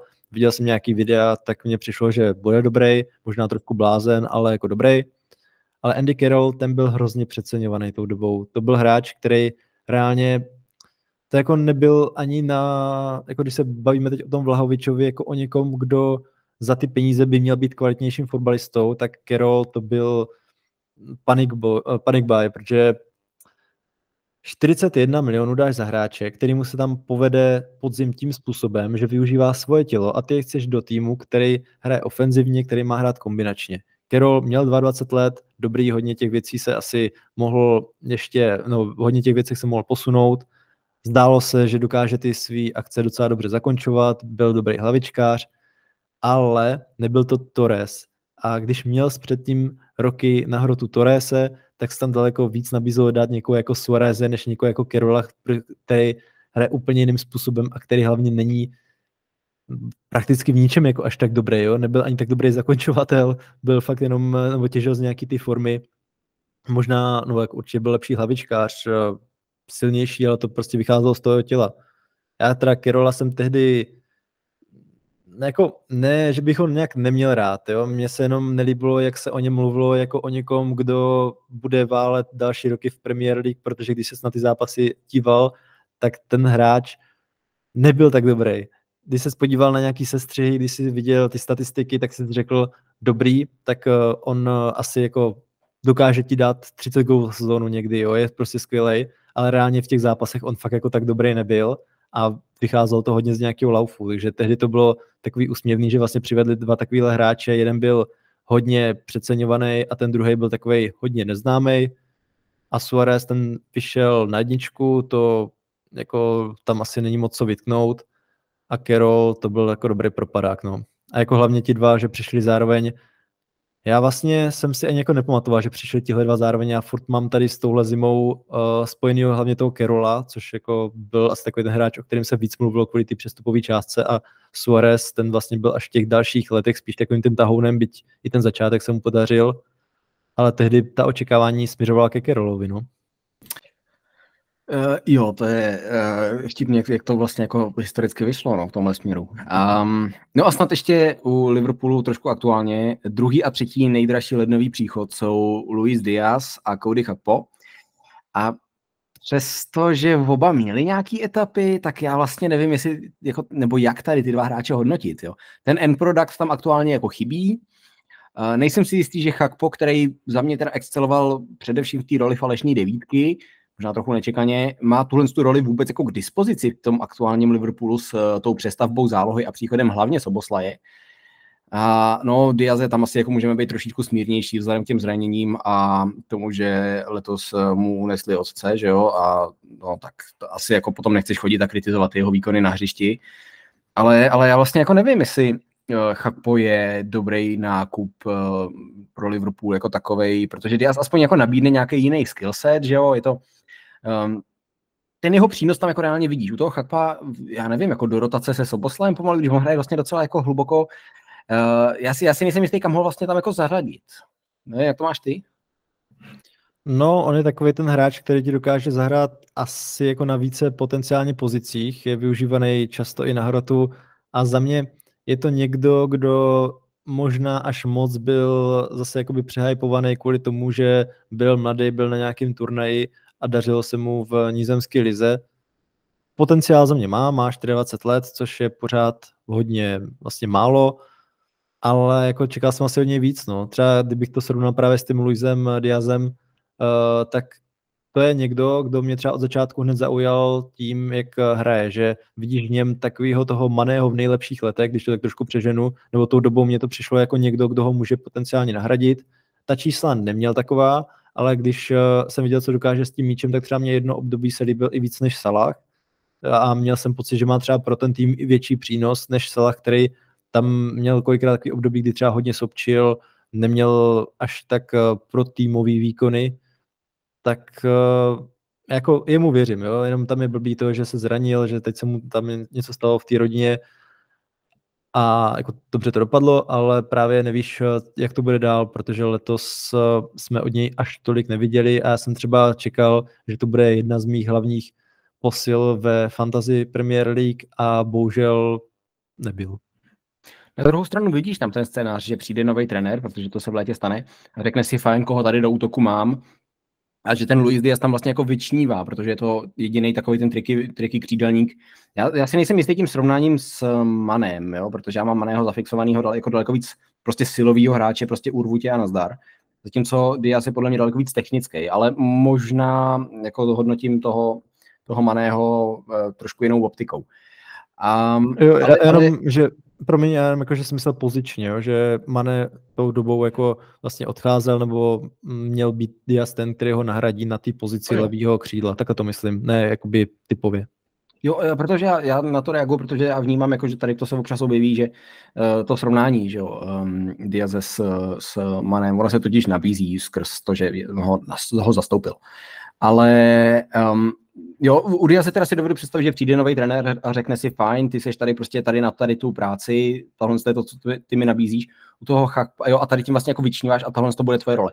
U toho Chakpa, já nevím, jestli jako když přijde ten trenér, podívá se, fajn, na hrot tady mám Nuněze, potažmo možná Žotu, vlastně dojedou zahrát podobnou roli. Um, tady pod hrotem mám ten prostor obecně pod, pokrytej um, Soboslajem, možná nějakým dalším z těch ofenzivních záložníků, já si furt pletu ty jejich uh, mladý kluky, uh, jak uh, se jmenuje ten, co mě tam strašně zajímá, já budu ještě chvíli takhle mluvit, než mi to Transfermarkt načte. Uh, Curtis Jones, že jo, uh, potažmo, potažmo možná i Harvey Elliott by se tam, by se tam dal zařadit, pořád je mu teprve 20, a e, nemyslím si, že jako v tom případě e, má tam Chakpo jako nějaký místo, pokud se, nevím, nestane pravým křídelníkem a nenahradí tam nějakým způsobem, nebo nebude tam plnit nějakou roli, ale zkrátka myslím si, že on je takový ten, e, který může z toho týmu do příští sezóny vypadnout, protože nový trenér to bude prostě stavět kolem jiných a on nebude zapadat do toho herního stylu. No. No, to je právě to, že on nemá přesně danou tu pozici a nevidíš úplně tu jeho hlavní roli. Je, mě no, třeba... Promiň, a tu pozici, ve které podle mě exceloval nejvíc, jo, ta hmm. falešná devítka, kdy jako si lidi říkali, ty jako on je vlastně hrozně podobný Firmíňovi jako v té roli, kterou, kterou hraje, eh, kdy to bylo minulou sezónu, ale chvíli to tam takhle plnil. A tam se, tam se mi jako líbil nejvíc a to tam prostě podle mě nebude vůbec k dispozici teďka, že? No, to nejspíš nebude, nebo zase, jo, nevíš, kdo tam přijde za trenéra, ale jako souhlasím, ze mě nějaký potenciál má, teď třeba poslední zápasy se mu celkem povedly, ale jako zda bude nějakou výraznou postavou v tom dalším týmu, to si nedovedu říct, jo, jakože mně se třeba víc líbí Žota, který teoreticky by se dalo říct, že je možná jeho hlavní konkurent, taky dokáže zahrát na křídle, taky na hrotu, taky nemá úplně nejpevnější místo, ale je docela, no a je asi víc golovej. Hmm, nevím, no, jako ten chak to tam bude mít hodně těžký. Pojďme k dalšímu týmu. Já jenom ještě uh, bych tady zmínil, že v zimě tam přišel i Milan Baroš, že když už jsme zmínili ty jiný hráče, tak je fajn tady zaspomínat i na Mildu, který tady drží 15. místo v eh, tom žebříčku nejdražších posil lednových. A je tam i Martin Šketel. To se mu bude líbit 15. S tou ah, to mě nenapadlo, no vidíš to. Ale jakože celkově, že Liverpool, když jsem se koukal, tam přivedl hrozně zajímavý hráče, že třeba i Starič byl tou dobou docela dobrý, nebo vytvořil pak se Suarezem dobrý duo, Coutinho tam přišel, Morientes, Egger, jo, jako fantastický taky hráč. Takže celkově bych řekl, že to lednový období Liverpoolu docela sedí, ale jako jo, jsou tam i nějaký přešlapy a je to takový zvláštní to říct u týmu právě, který přivedl toho Kerola, ale, ale jako ve výsledku mě to přijde docela fajn z jejich strany. Ještě uh, zaspomínám, že vlastně Tomáš Rosický byl taky lednový odchod ze Sparty do Dortmundu. No, tak asi se Čechům tyhle ty věci daří. Tak já se ještě vrátím do Španělska a skočím do Barcelony která má za sebou přestup nejdražší a to jsme, to jsme už tady nakousli toho Kutyňa. No, co říct ke Kutyňovi a neopakovat se. Kutyňo byl hráč, který tou dobou byl absolutně fantastický. Nevím vůbec, s jakou myšlenkou do Barcelony přicházel, protože to bylo takový, že měli hrozně moc peněz za Neymara, tak možná z něj chtěli nějakého takového hráče, ale reálně asi neznali jeho schopnosti. Za mě třeba měl víc potenciál nahradit Messio, kdyby Messi odcházel, jako nemyslím to pozičně, protože Messi byl hrál přece jenom jinde, ale z hlediska nějaký ty kreativity, toho, co mohl nabídnout týmu, tak uh, možná jako něco takového, ale jestli z něho chtějí Neymara, nevím, ale za 135 milionů koupili hráče, který ho nedokázali skvěle využít, reálně možná nepasoval ani do toho systému a celkově, že se tam jako neprosadil, dobrý, měl tam ani nějaký ty zranění. A začátek jako neměl úplně číselně špatný, ale herně mně přišlo, že se hledá a že to třeba může být lepší do dalších ro- roků, ale strašně si tam s těma ostatníma hráčema překážel a nebylo mu nějak umožněno vyniknout uh, tak pro mě jako třeba v Liverpoolu. Hmm. Mně to přijde zvláštní, uh, protože u Coutinho si jako často říká, že v té Barceloně mu to nevyšlo, protože uh, se po něm chtělo, aby hrál v defenzivním stylu. Jo? Přitom on, když byl teď v té Aston Ville, tak uh, on tam byl jedním z nejpracovitějších, nebo vůbec možná v nějakém směru tím nejpracovitějším uh, ofenzivním záložníkem nebo hráčem té pozrotové linie v Evropě. Jo, že on opravdu jako ten work rate měl a myslím si, že to ukázal, nevím, jestli to měl ze začátku v té Barceloně, ale určitě to ukázal v Bayernu, kdy on tam nabral asi jako pět kilo svalů, že jo, za pár měsíců, což je taková, vždycky taková jako transformační kůra Leona Gorecky, ale uh, jako zkrátka je to něco, co v té hře jako ukázal, že má svojí a Eh, prostě to jako nebyl schopný nějakým způsobem uh, dát najevo v té Barceloně. Mně to přišlo vždycky, vždycky takový zvláštní. Já u Kutyně možná pozvu na náš eh, Hero Hero, kde my dva jsme se o něm bavili vlastně docela do detailu a předpokládám, že by ta, ten uh, bonus měl být vlastně snadno dohledatelný v nějaký sekci uh, nejdražší přestupy, nebo jak si pojmenoval tu, tu kapitolu? Přesně tak, přesně tak. Kde, kde je o něm vlastně uh, fakt jako dedikovaný speciál, Eh, jako, jako jednomu z nejdražších přestupů vůbec. No, ale nevím, jako v té Barceloně mě, mě to nejvíc jako uh, zabíjí ta skutečnost, že on byl na straně Bayernu, když Bayern vyhrál treble a přes Barcelonu přejel uh, 8-2.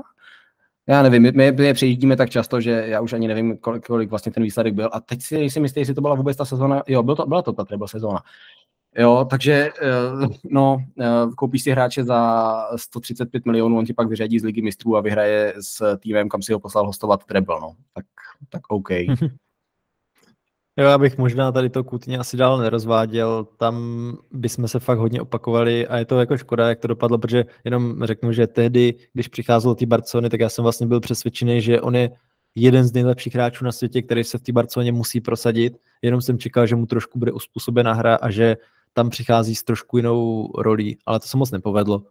Já bych možná doplnil, že fakt jako ta epizoda na hráči je hodně detailní a hodně, hodně i datově podložená, kde jsme rozebírali i to, jakým způsobem on se vyvíjel eh, ze střelce na tvůrce a zpátky a, a jestli vůbec jako někdy byl tvůrcem nebo jestli byl střelcem a jak mohl v tomhle směru nahradit, Messi ho nemohl. A fakt jsme tam jako šli do, do velkých detailů, takže myslím si, že je to jako záhodno tam zamířit, pokud vás skutečně nějakým způsobem zajímá anebo Vlahovič, kterýmu jsme se věnovali, anebo dalším hráčům, jako tyhle ty seriálky, ty tam najdete a vlastně jsou pořád aktuální, protože hodnotíme něco, co se stalo v minulosti a proč to nevyšlo. No a když se podíváme na ty další jména, já jako celkově bych řekl, že Barcelona ty zimní přestupy vůbec neumí. Možná nejlepší dva, co jsem tady našel, tak byly dvojčata Deborovi, který přišli v roce 1999 z Ajaxu a to byly jako velké postavy. Jinak eh, ten zbytek. Teď teda mě trošku zaujal uh, Vitor Roque, který mu je 18 let a přišel teď v lednu za 40 milionů. O tom si povíme zase v našem bonusu a je to zatím hráč, o kterým toho moc nevíme skrz to, co jsme zatím mohli vidět na trávníku. Víc stál Ferran Torres, který byl pro mě hráčem, který byl pro budoucí tým City velmi dobrý a věřil jsem, že, nebo jako mi se v City hodně líbil a nějak jsem věřil, že Barcelonu dokáže posunout dál, ale jako trošku mě zklamalo, jakým způsobem se vyvíjí, že není to takový ten hráč, u kterého bych eh, čekal, že v dalších třech letech Barcelonu potáhne a že tam bude jasně vyčnívat. Za ty peníze mm, nevím, no. A jako celkově, když jsem se koukal na ty další přestupy, tak uh, tam jako není úplně moc co zmiňovat. Nebylo jich až tolik velkých. Možná ještě, co bych takhle zmínil historicky, tak třeba si hodně pamatuju na příchod eh, Ibrahima Afelaje z Eindhovenu, což byl hráč, který opět byl v nizemské lize jeden z nejlepších, zrovna on byl jeden z těch vůbec nejlepších hráčů uh, napříč x sezónami nizemské ligy, nebo aspoň tak jsem ho já vnímal jako někdo, kdo tu ligu jasně převyšuje a určitě se mu bude dařit jinde, ale v Barceloně nedostal ten prostor a nenavázal pak na to moc. Tyjo, to není jako dobrá vize pro Rokeho s tou historií Barcelony v lednu, aby to nebyl druhý Rainier. no, uvidíme. No, těžko říct, jo. je to takový zatím hodně nečitelný. Já jsem si něco o tom rokem načítal, vypadá velmi dobře, ale to v podstatě každý takový hráč, který přichází, přichází z Brazílie, stejně tak vlastně čtvrtý nejdražší byl Giovanni, který přišel v 21 letech v roce 2002 z Cruzeira za 20 milionů, což byla tehdy ohromná částka. A lidi se možná ptají, ty vole, kdo to je jako Giovanni. Tak to vlastně na to nemám pořádnou odpověď. Vím, že ten hráč existoval, že pak hrál v menších týmech, že v Barceloně se vůbec neprosadil a tak jako můžou být takovýhle brazilští hráči, kteří nejsou mm, možná, já nevím, jako jestli nejsou připraveni na evropský fotbal, nejsou mentálně nastavení, těžko říct, jako tehdy jsem ten fotbal nesledoval, to jsem byl přece jenom ani ne desetiletý, když tam přicházel, takže to moc o tom hráči nevím. Já bych udělal takový Neymarův můstek a šel z Barcelony do PSG. A no. ty jejich lednový nákupy jsou teda něco. Moura za 40 v létě 12-13 a já jsem teda obecně jeho fanoušek, líbí se mi jeho work rate, měl uh, apetit pro gol v klíčových zápasech, taková všestranná záplata, kde je třeba. To nejlepší z něj jsme ale podle mě viděli ve Spurs, tam ho PSG pustilo se ztrátou 12 mega o dlouhých 4,5 roku potom, co přišel ze São Paula. Eh, pro mě překvapivě tam byl vlastně docela dlouho a eh, Zase na druhou stranu uh, odehrál tam 229 zápasů s bilancí 45 plus 48. Měl tam ročník 16-17, kdy nasázel 12 gólů. Uh, v ročníku 13-14 zase ze začátku už 13 asistencí. Obecně plnil takový to, co bylo zrovna potřeba. A byl tam v takový tý uh, před Galacticos éře. A rozhodně bych řekl, že pomohl PSG poskočit k té etapě, která vrcholila asi tím finále Ligy mistrů. A nevím, no, jestli je to dost na nejdražší lednový nákup, těžko říct. Těch 40 milionů v roce 2013 bylo přece jenom fakt hodně peněz, ještě před tou nejmarovskou inflací. Um, No, rozhodně, rozhodně eh, to není ale zas tak špatný přestup, jako eh, byl ten, který, který ho eh, PSG podepsalo v lednu za stejný peníze o pár let později. A to je Leandro Paredes. Paredes. Um, to už bylo po té Neymarové inflaci, ale taky uh, hráče nebo Paredes se po dvou a půl letech pustili hostovat do Juventusu a teď před sezónou ho prodali do Říma za 2,5 mega, takže velký au. No a třetí největší lednový nákup PSG je Julian Draxler, toho času 23-letý křídelník Wolfsburgu za 36 mega v lednu 2017. A ono se rádo zapomíná, protože na Draxlera se obecně snadno zapomíná, um, a dost jeho vinou. Uh, ono se rádo zapomíná, jak uh, úžasný super talent on to vlastně v tu dobu byl, jo, jak neuvěřitelně ceněný byl. On byl opravdu největší mladá německá hvězda v tu dobu, no a PSG ho nalákalo, což byl fakt jako velký, to byl fakt um, velký téma. Eh, hodně se o tom psalo, hodně se o tom mluvilo. Eh, Draxlera zmiňoval ostatně i Frank Ribery jako svého ideálního nástupce v Bayernu, už teda v době, kdy Draxler hrál za PSG. A on se, Draxler opravdu jako profiloval hodně podobně. Eh, no jo, jenže v lednu přišel v létě PSG, podepsalo na jeho post Neymara. A tam to vlastně skončilo. Já na, na jednu stranu respektuju, že Draxler tenkrát řekl, že se o svoji pozici porve, zůstal a zkusil to. Byly tam momenty, kdy nastupoval v záloze a vypadalo to, že tam může být ta jeho budoucnost PSG. Eh, místy nahrazoval zraněnýho Neymara, ale nikdy z toho nic extra nevzešlo. Roky utíkaly, Draxlerova role se zmenšovala, ta jeho hvězda uhasínala a furt ne a ne nikam odejít. A eh, jak říkám, dost si za to teda může i sám, za, tu svojí, eh, za ten svůj úpadek. On měl totiž vždycky rád pohodlí a Paříž mu ho určitě nabízela. Uh, není to poprvé, co tady říkám, že Draxler, když hrál za Wolfsburg, tak prohlásil, že to nejzajímavější, co na jeho působení ve Wolfsburgu bylo, když se spoluhráči vyjeli do Berlína na výlet. On, Wolfsburg je v zásadě takový menší město s fabrikou Volkswagenu, někde uprostřed ničeho a říká se vtip, že tam občas ani vlak nezastavuje na cestě, na cestě do Berlína. Um, ale myslím, že to teda jako přece jenom o Draxlerovi dost vypovídá, že tady to jako někde vyhlásil veřejně. Uh, měl tam to hostování v Benfice, v létě teďka šel za 9 mega do Kataru, uh, což zajímavý, že za takového hráče, kterýho pár let prostě pořádně nevidíš a neprosadil se pořádně někdy Benfice, um, potom zaplatí uh, země, ze který jsou majitelé tvýho klubu 9 milionů. Hm. Uh, no, tak nevím, jestli mu ten Katar nabídne ten komfort, který očekává, vlastně je mi to i docela jedno, přitom je mu pořád teprve 30. Pro něj jako pro hráče naprosto tragický ten lednový přestup. Eh, z pohledu PSG úplně stupidní, když si nemyslím, že, nebo když si jako v létě potom pořídili Neymara, i když si nemyslím, že je to zrovna nějak extra tíží. No, to asi netíží. Uh, kterýho hráče bych tu měl komentovat? Mně se nabízí, tak jako Paradesovi asi to moc nemám, k Draxlerovi z toho řekl dost a tam jako souhlasím s tím, co asi, s čím můžu souhlasit, jak jsem ho vnímal já, protože já jako ti asi neřeknu toho tolik, nebo já lidem neřeknu toho tolik jako ty o Draxlerovi, ale pamatuju si ho právě, když hrával v Bundeslize, když fakt byl jako skvělý na svůj věk, hrozně vyspělý a měl to být ten hráč, který Paříž nějak posune. Myslíš, eh, když to teda přivedu k no. Lukasi Mourovi, který ti tak jako zbývá toho výčtu, jo. Eh, že on byl vlastně vítězem, protože hrával především z té pravé strany a eh, PSG si doprava nepořídilo vlastně delší dobu nikoho, když tam první vlastně přišel Neymar doleva? Jo, z tohle výběru určitě. Jenom s Mourou mám takový problém, že já jsem ho vlastně od začátku neměl rád. A to kvůli tomu, že on tam vlastně přišel v roce 2013 a tou dobou se o něj strašně moc zajímal Manchester United a to si pamatuju, na, když jsem se tam ještě zapojoval do různých diskuzí. A Moura byl ten hráč, který měl být tahounem Manchester United pro další roky, obrovský talent z Brazílie, který je skvělý technicky, úplně ve všem je prostě bombastický. Akorát, že tehdy to selhalo na tom, že Ferguson, který neměl rád agenty, tak odmítl dát, myslím, o 5 milionů uh, navíc právě kvůli agentovi. Strašně se tahala cena a nakonec eh, přispěchala Paříž, která ty peníze dala a tak Moura odmítl vlastně, nebo Moura odešel do Paříže místo toho, aby oslavil poslední Fergusonův titul. Tak jenom jako takhle, jako já si na tohle hráče pamatuju, jinak uh, celkově asi nějakou roli v tom PSG měl, neměl ji asi až tak výraznou, jak bych tou dobou čekal, že ji bude mít.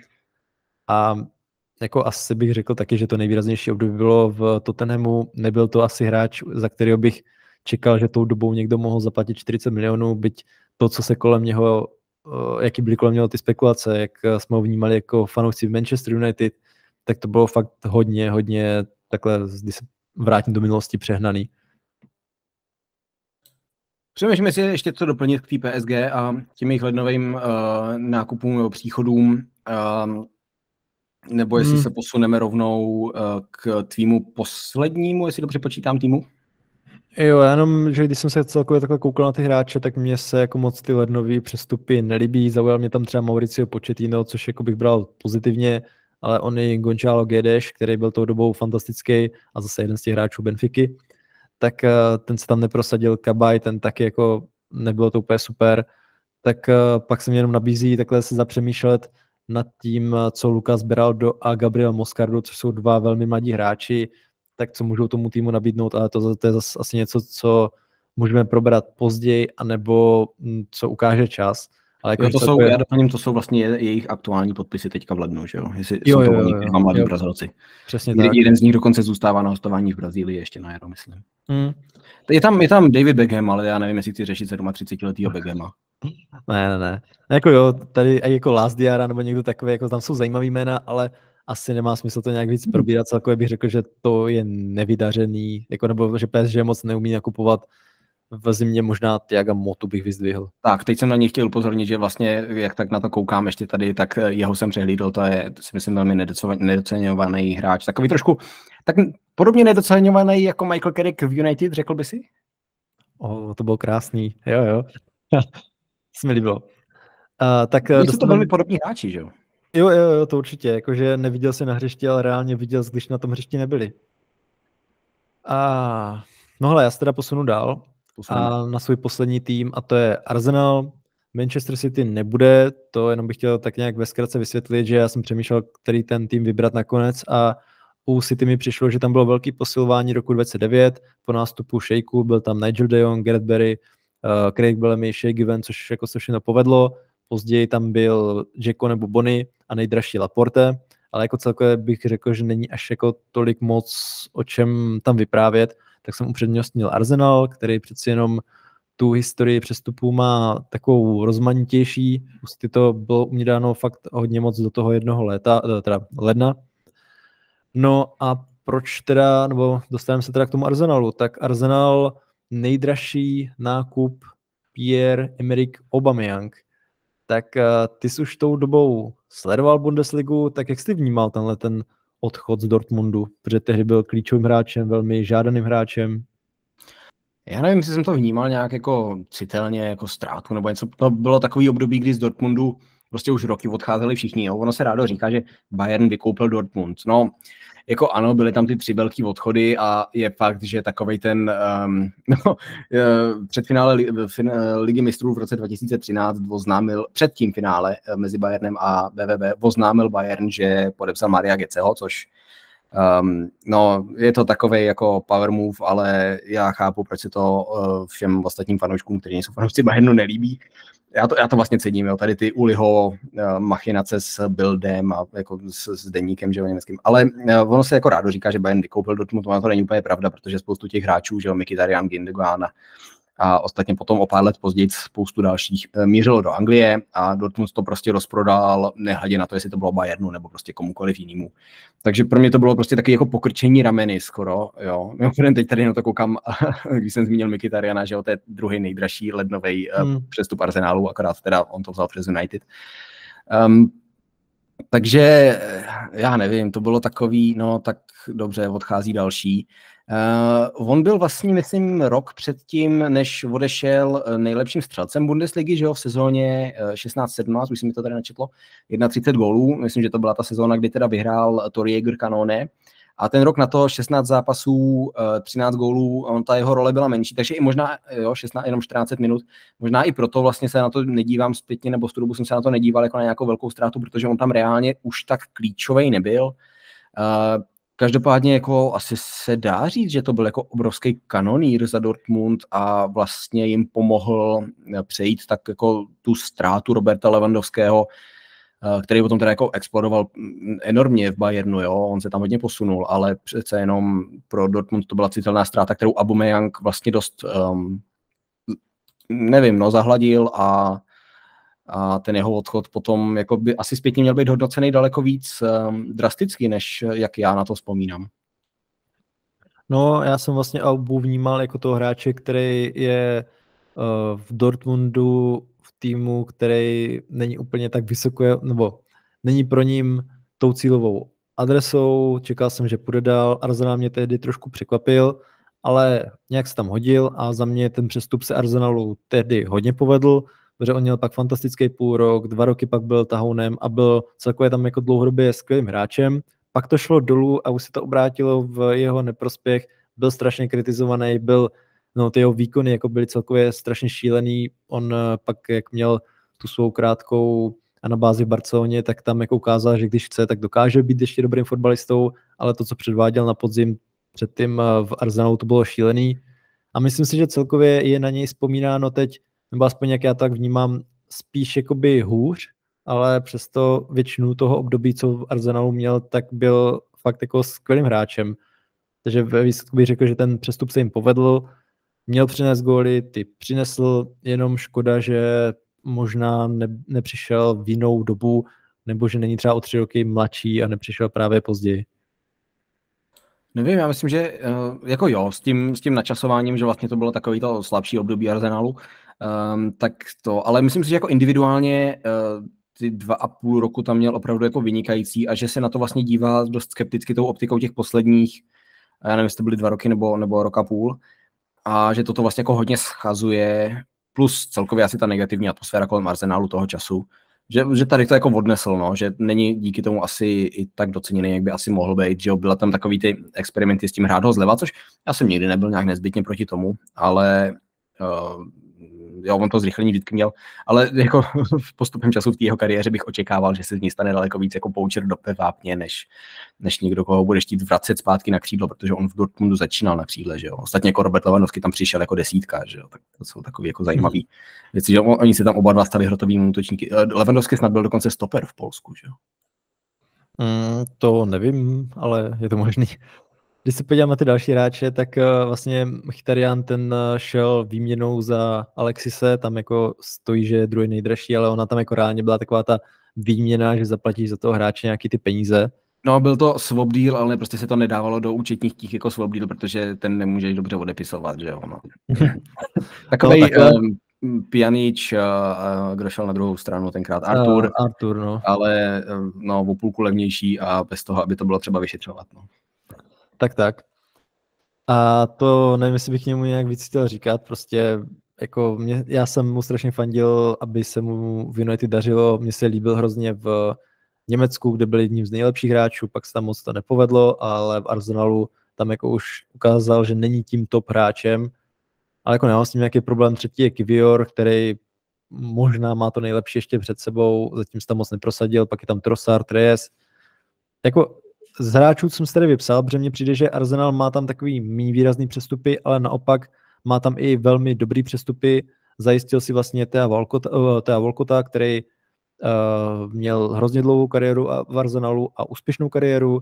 Jorginho přišel, což bych řekl, že tou dobou pro ten tým jako nějaký doplnění byl celkem v pohodě. Byl tam Adebayor, který vlastně taky tam hrál docela dlouho.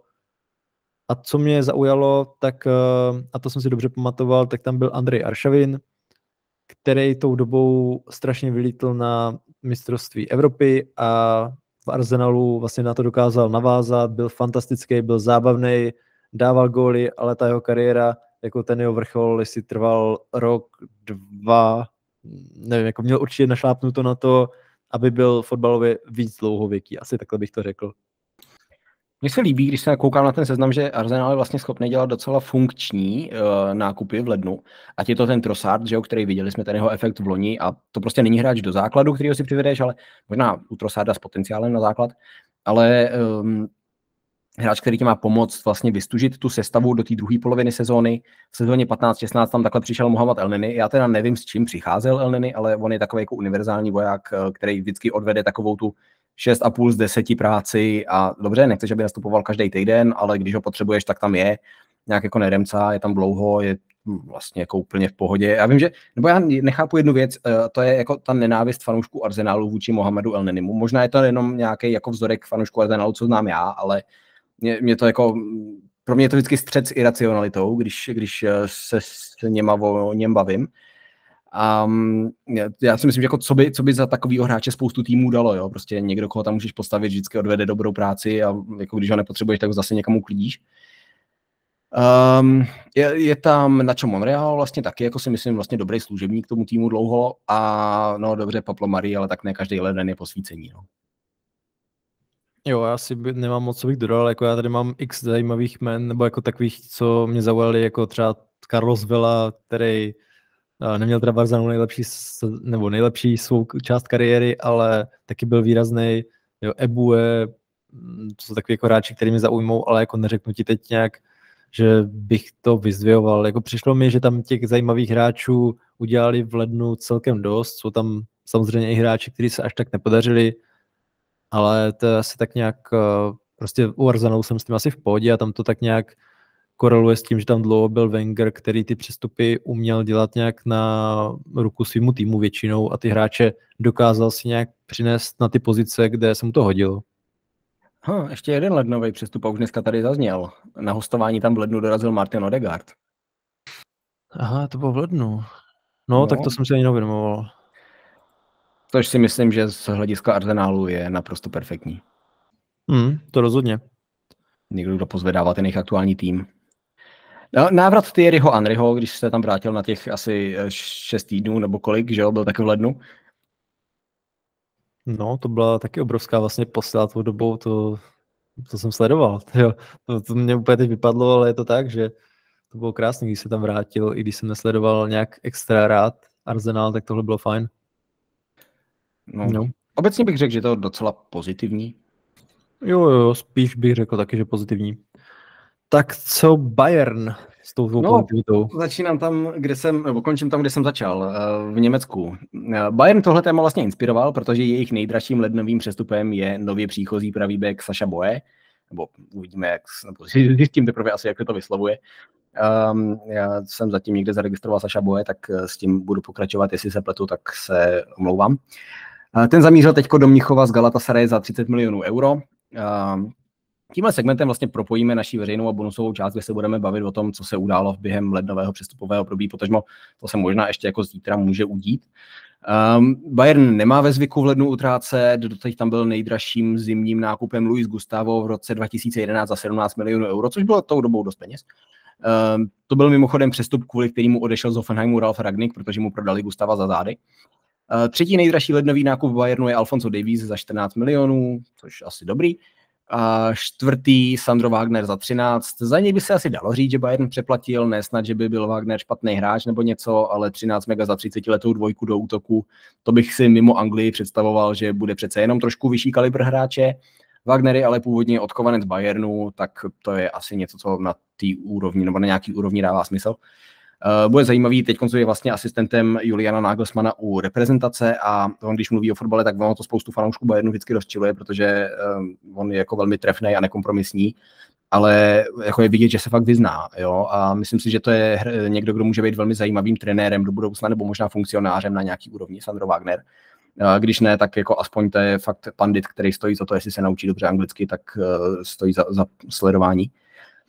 Ale no jasně, no, tak bylo tenkrát fajn, že si aspoň jako konečně po delší době, když přišel do Mnichova, mohli trenéři v Mnichově vyrotovat občas Levandovskýho. Sám Levandovský potom volal, že chce občas i prostě vidět ten tým hrát z lavičky a získat jinou perspektivu, což mi přišlo hrozně zajímavý, že to takhle popisoval.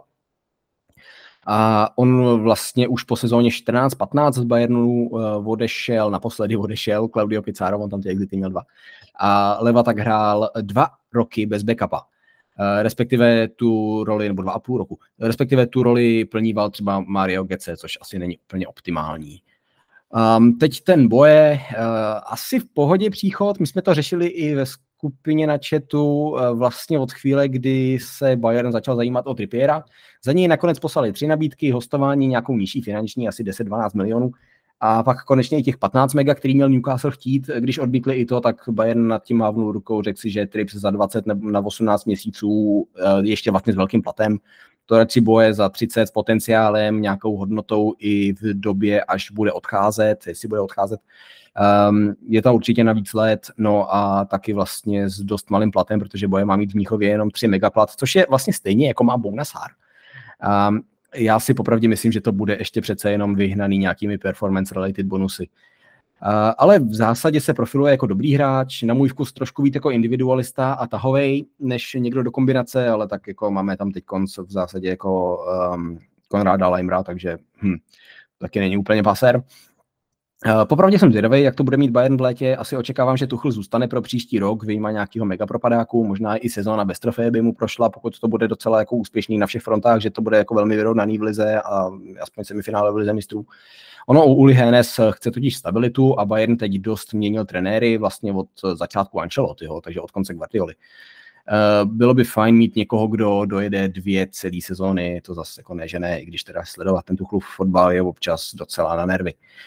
Um, nabízí se možná přechod na back 3, Tuchl s tím tak nějak flirtoval už, když se podepisoval Dyer, tak zmiňoval, že na šestku ho teda fakt nevidí, na beka určitě ne, to se jako zrozil, když mu to někdo řekl, jestli by jako Dyer mohl hrát beka, ale že má zkušenost se tříčlenou obranou. No a já říkám vlastně léta, že Bayern má tu sestavu stavěnou na back 3, Dávalo by to smysl, pokud boje bude takový, jak se mi profiluje, dávalo by to smysl pro Stanišiče, protože ten, kdyby se měl v létě vrátit a být čtvrtý stoper a třetí bek, tak to teda nevím.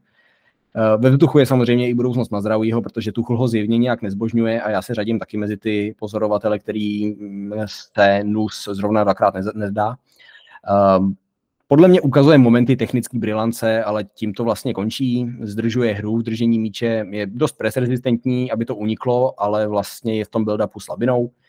No a pak hlavně vole citovat Hamas, když hraješ za klub s tak silnou židovskou historií, jako je Bayern, to je podle mě přímo v místě dost těžko uh, jako něco, z čeho se můžeš vrátit. I když teda nějaká ta skupina um, fanoušků Bayernu na sítích, nebo taková ta bublina, tady to dost zlehčuje a člověk by získal dojem, že to, že to není závažný téma, no tak sakra je. Uh, každopádně těžko teď predikovat skrz tady to, co jsem tady nějak jako uvedl, tu budoucnost a to, jak by vlastně to mohlo vypadat v bojem. Um, ono je těžko predikovatelný, co vůbec bude s Bayernem dál. Já bych se nedivil, kdyby v létě došlo k nějakému jistému restartu toho projektu skrz v tuhle chvíli možná i těžko myslitelný odchody.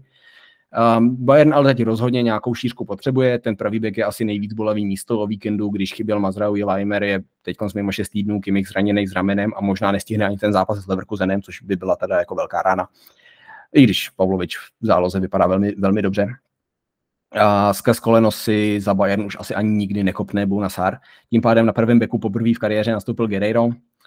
Bayern za to rozhodně platí teda extra cenu za bojeho, skrz to, že má takovou nouzi, ale je trošku potáhli a asi jako fair je fair. Eh, co se dá dělat, za blbost se platí. To neznamená, že boje bude fail. Myslím si, že má vlastně dobrou příležitost ukázat se na nejvyšší úrovni a opravdu tam zůstat eh, v základu delší dobu skrz tu aktuální situaci Bayernu. Teď je to teda na něm, no. No, já teda, když jsem se koukal na ty přestupy Bayernu, tak mě překvapilo, jak málo jich eh, ten tým dělá, respektive to je takový to, když čekáš, že jo, ten tým nedělá moc zimních přestupů, nebo jakože nedělá moc nějakou věc a pak zjistí, že to je ještě jako méně častější. Uh, překvapilo mě, že dali tolik peněz za Bowio, já jako taky nevím, jak se to vyslovuje, trošku jsem doufal, že mi to řekneš, protože já mám problém s těma jménama, které jsou vlastně jsou z Francie, ale ten, to jméno je takový anglický, nevím jaký, takový divný, tak to tak ještě... Já nevím, jestli on nemá snad nějaký turecký kořeny, když teď hraje v Turecku, že jo, já nevím, já jsem to nestudoval ještě prostě, někde, někde jsem slyšel Saša Boje, tak říkám Saša Boje a uvidíme, až to řekne. Já vždycky, já vždycky čekám, až to řekne nějaký uh, komentátor, který ho respektuju. Tak Saša prostě. Anglickým komentářem. jo, Saša. Dobrý. Saša. Tak uh, jsem na zvědavý, protože ta částka je vysoká, když jsem si o něm něco zjišťoval, tak mně přijde, že může být dobrý, ale jako to uvidíme později. Mě spíš tam zaujal ten Alfonso Davies, což vlastně na to, že Bayern vůbec prakticky vůbec neutrácí za uh, lednový posily, tak dá 14 milionů za 18 letého borce, to je jako ještě kor někoho, kdo je z MLS, tak to bylo asi takový překvapivý takhle zpětně, ale povedlo se jim to, tak paráda. Já bych možná doplnil, že oni teď ty částky za mladý kluky tam docela lítají. Jo? Jako, já vlastně jako nedokážu ani říct, koho teď kupujou. Nějakého toho uh, no, přídelníka z Austrálie vlastně za, za docela velkou částku teď z nějakého mladého útočníka, myslím, taky za nějakých, jsou jako třeba pětimilionové částky a ty hráči jdou do akademie jo, v tuhle tu chvíli. Takže ono, tam se asi hodně zapracovalo na tom scoutingu těch mladých hráčů a s vizí opravdu udělat z toho kampusu, který si Bayern postavil za 80 mega, to je 20 mega ročně, něco, co bude produkovat hráči, který to zaplatí vlastně.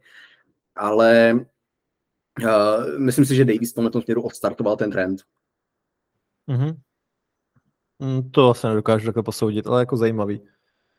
Uh, jenom hráč, co ještě nebyl zmíněný a abych ho tu chtěl připomenout, tak to je Breno. Víš vůbec, kdo to je Breno? Já vím, kdo to je Breno. Já si pamatuju tu etapu těch eh, let 2009-10, já vím, že on přišel teda leden 2008, kdy Bayern vlastně nakupoval spoustu opravdu jako hromady mladých hráčů z celého světa, zaplavil si jima sestavu s nadějí, že někdo z nich se chytne. No a pak vlastně přišel Louis van Gaal a málem kvůli tomu prodali vlastně Tomase Millera, kvůli Brenovi, že ho prodali málem Holgera Bačtubra a přišel Louis van Gaal a řekl prostě hoši ne, našel tam eh, Millera v akademii, našel tam Bačtubra v akademii, našel tam Davida Alabu v akademii a postavil to na těch německých klucích, který si jako Bayern sám vychoval na místo těch borců, který si přivedli právě jako Brena z Brazílie, že jo, což On je to vlastně docela nešťastný příběh Breno, protože on si v Německu vůbec nesedl, pak tam jako byly nějaký psychické problémy, vyhořelej barák a eh, vracel se zpátky do, do Brazílie. Bayern se s ním snažil pracovat, jako pomáhat mu i lidsky, vlastně dali mu pauzu od fotbalu, on tam trénoval a nějakou jako fakt pomalu přípravku, už někdy v roce 2012, ale jako ten jeho příběh je vlastně docela, docela smutný. No. Jo, já se jako pamatuju z fotbalového hlediska jako někoho, koho jsem vnímal právě v té době, kdy tam byl Bačtupr, ale jako to Brena, když eh, teď tak, tak trošku přebíjí takový ty vzpomínky na to, jak právě si měl zapálit nějaký ten barák nebo měl něco zapálit a pak kvůli tomu byl i ve vězení a pak se vracel k fotbalu a co se koukám, tak za nějaký týmy i hrál, za svého Paulo třeba, ale není už to takový, nebo nebylo to už takový asi skvělý. Ale jako... a vlastně ukončil kariéru vlastně docela brzo. No. Jo, a tak ono taky, když jsi pak ve vězení, tak se tak pak asi docela těžko vrací k fotbalu. Ale byl to jako tehdy pro mě zajímavý hráč a takový ten uh, jeden z nejzajímavějších vlastně mladíků. On tam přišel hrozně mladý a věřil jsem mu, že to může být vlastně jeden z těch lepších obránců pro Bayern, ale pak se svou kariérou naložil trošku jiným způsobem. No tak to je lidsky hodně smutný příběh, spíš než jako fotbalově. No. Uh, hmm. Určitě, jako než se dostaneme k těm dvěma zajímavým ještě, tak mě tam hrozně baví uh, jeden lednový příchod a to je Serdan Tasky. Já vím, že jako asi nikdo pořádně nebude vědět, kdo to je, ale to byla ta sezóna s Pepem Guardiolou, kdy se mu zranili úplně všichni stopeři. Na stoperu tenkrát hrál Joshua Kimmich, mladý, kam ho postavil, to je taková ta slavná eh, scénka, jak je Guardiola a mluví vyloženě prostě z tváře, z tváře do tváře s Kimichem, tam prostě vypadá to, že ho tam strašně jako tepe za něco Jo, tak to byla ta sezóna, v lednu si přivedli Serdana Taskyho, eh, německého eh, stopera, který tou dobou hrál někde za Spartak v Moskvě. Přivedli ho na hostování s tím, že teda jako doplní tu sestavu. Vůbec nehrál, vlastně to bylo jako velký téma, jako kde je Tasky, že jo, prostě přivedl si ho Guardiola a vůbec nehraje. Pak ho na jeden zápas postavil. Tasky byl asi nejlepší hráč toho zápasu, jako bez natávky. Guardiola mluvil o tom, jako přesvědčil, jak k němu byl hrozně nefér, jak podal absolutně excelentní výkon. No a od té doby Taskyho už zase nikdo nikdy neviděl. Jo. a, tak to neznám, takový příběh a docela usměvný. No. Uh, jo, to je jako z, z té historie toho, co všechno nakecal vlastně Pep Guardiola, že kdy. Ale uh, pak jsou tady vlastně Daily Blind a Joao Cancelo. Uh, 2023 leden uh, příchody. Uh, Cancelo jasně na hostování, ale, ale uh, já si myslím, že to je jako jeden z nejlepších lednových přestupů, co Bayern vůbec jako udělal, že jo, tady to. A jasně, kdyby to skončilo tou ligou mistrů nebo něčím úspěšnějším loni, tak se o tom asi mluví daleko víc, ale jako udělat takovýhle díl v lednu mi přijde docela jako úctyhodný. A myslím si, že to je něco, za co nedostává Hasan Salihamidzic dostatečný kredit. Jo, to já asi jsem nedokázal moc posoudit, jak na tom Bayern tehdy byl, ale jako vypadalo to hodně zajímavě. A i ten Daily Blind, v podstatě takový zkušený hráč, který v Ajaxu hrával dobře, tak na nějakých zalepení jako super v podstatě, zadarmo. No, jak jsi řekl, těch lednových přestupů tam jako obecně moc není a ještě méně, co by stály nějakým způsobem za zmínku a i když stojí za zmínku, tak jsou to takový jako Serdan Tasky se zábavnou historkou. Teď je tam Erik Dyer, hele, jako čtvrtý stoper, vlastně za něj nic neplatíme, je to jenom na nějakých bonusech, dopředu se nezaplatilo nic. Uh, hm, asi dobrý, jako no, asi se jako nedá, nedá moc co jako k tomu, k tomu dodat, prostě bude čtvrtý stoper, Uh, teď tam měl, nastupoval o víkendu, měl tam nějaký chyby, jako nevypadalo to úplně přesvědčivě, ale zahrál docela dost dlouhých balónů úspěšných, tak jako aspoň něčeho se můžeme chytat, jako že no, tak to není tak špatný. A hele, Harry se teď stali někde na nějakém srazu s fanklubem, kdo je jeho nejoblíbenější hráč Bayernu, on řekl Erik Dyer, takže jestli je prostě Erik Dyer ta cena za to, že budeme mít eh, spokojeného Harryho Kanea, tak já to asi beru. jo, tak uh, to je pěkný vlastně. Tak uh, půjdeme na tohle přestupový období? Můžeme na tohle přestupový období, takže do bonusu. Jo, takže se tu loučíme s naší veřejnou částí. Pokud vás naše povídání, hodně dlouhý povídání bavilo, tak budeme rádi, když nás navštívíte na Hero Hero. A celkově nabízíme toho víc, budete mít přístup k prémiovým kvízům a teď prvního tam vlastně vyjde i článek od Dana, to nám můžeš, Dané, možná prozradit, co to bude? Eh, já doufám, že to bude prvního, že to zítra dopíšu, skoriguju, eh, když tak to bude snad jako nejpozději o víkendu, nebo určitě o víkendu, protože je slíbený, odhlasovali si ho vlastně eh, předplatitelé na naší facebookové skupině článek o X-Thread, což je vlastně další z metrik, která se dá používat. Ehm, je tam jako všechny ty XG, XA. Člověk by si málem myslel, že všechny ty podprahové statistiky si do svého impéria koupil Elon Musk, ale ne, eh, je to, je to taková jako zajímavá eh, metrika, která, která eh, může zase prozradit něco víc o tom hráči, aniž by ho člověk třeba nějakou, nějak pořádně viděl. Pokud se jedná o nějaký záložníky nebo, nebo stopery, který nedostávají všechny takové ty klíčové přihrávky a opravdový asistence a podobně, ale vlastně jsou to takový, co zahrajou ten killer pass z hlouby a, a podobně, tak jako tohle je další věc, na kterou se dá koukat, tak to tam se snažím nějakým způsobem představit, no, ale zase moje uzávěrka je zase vždycky moc, moc blízko, i když na to mám vždycky měsíc, abych to napsal. No, ale věřím, že se na to vyplatí počkat, tak můžete alespoň ještě čekat třeba do víkendu, ale budeme rádi, když nás podpoříte, budete tam mít hodně obsahu navíc a věřím, že se to vyplatí a celkově vážně to, že nám pomůžete, tak nám eh, vlastně umožníte tvořit více zajímavého obsahu. Tak uh, mějte se krásně a pokud s námi teda nepokračujete, tak se uslyšíme za týden. Hey.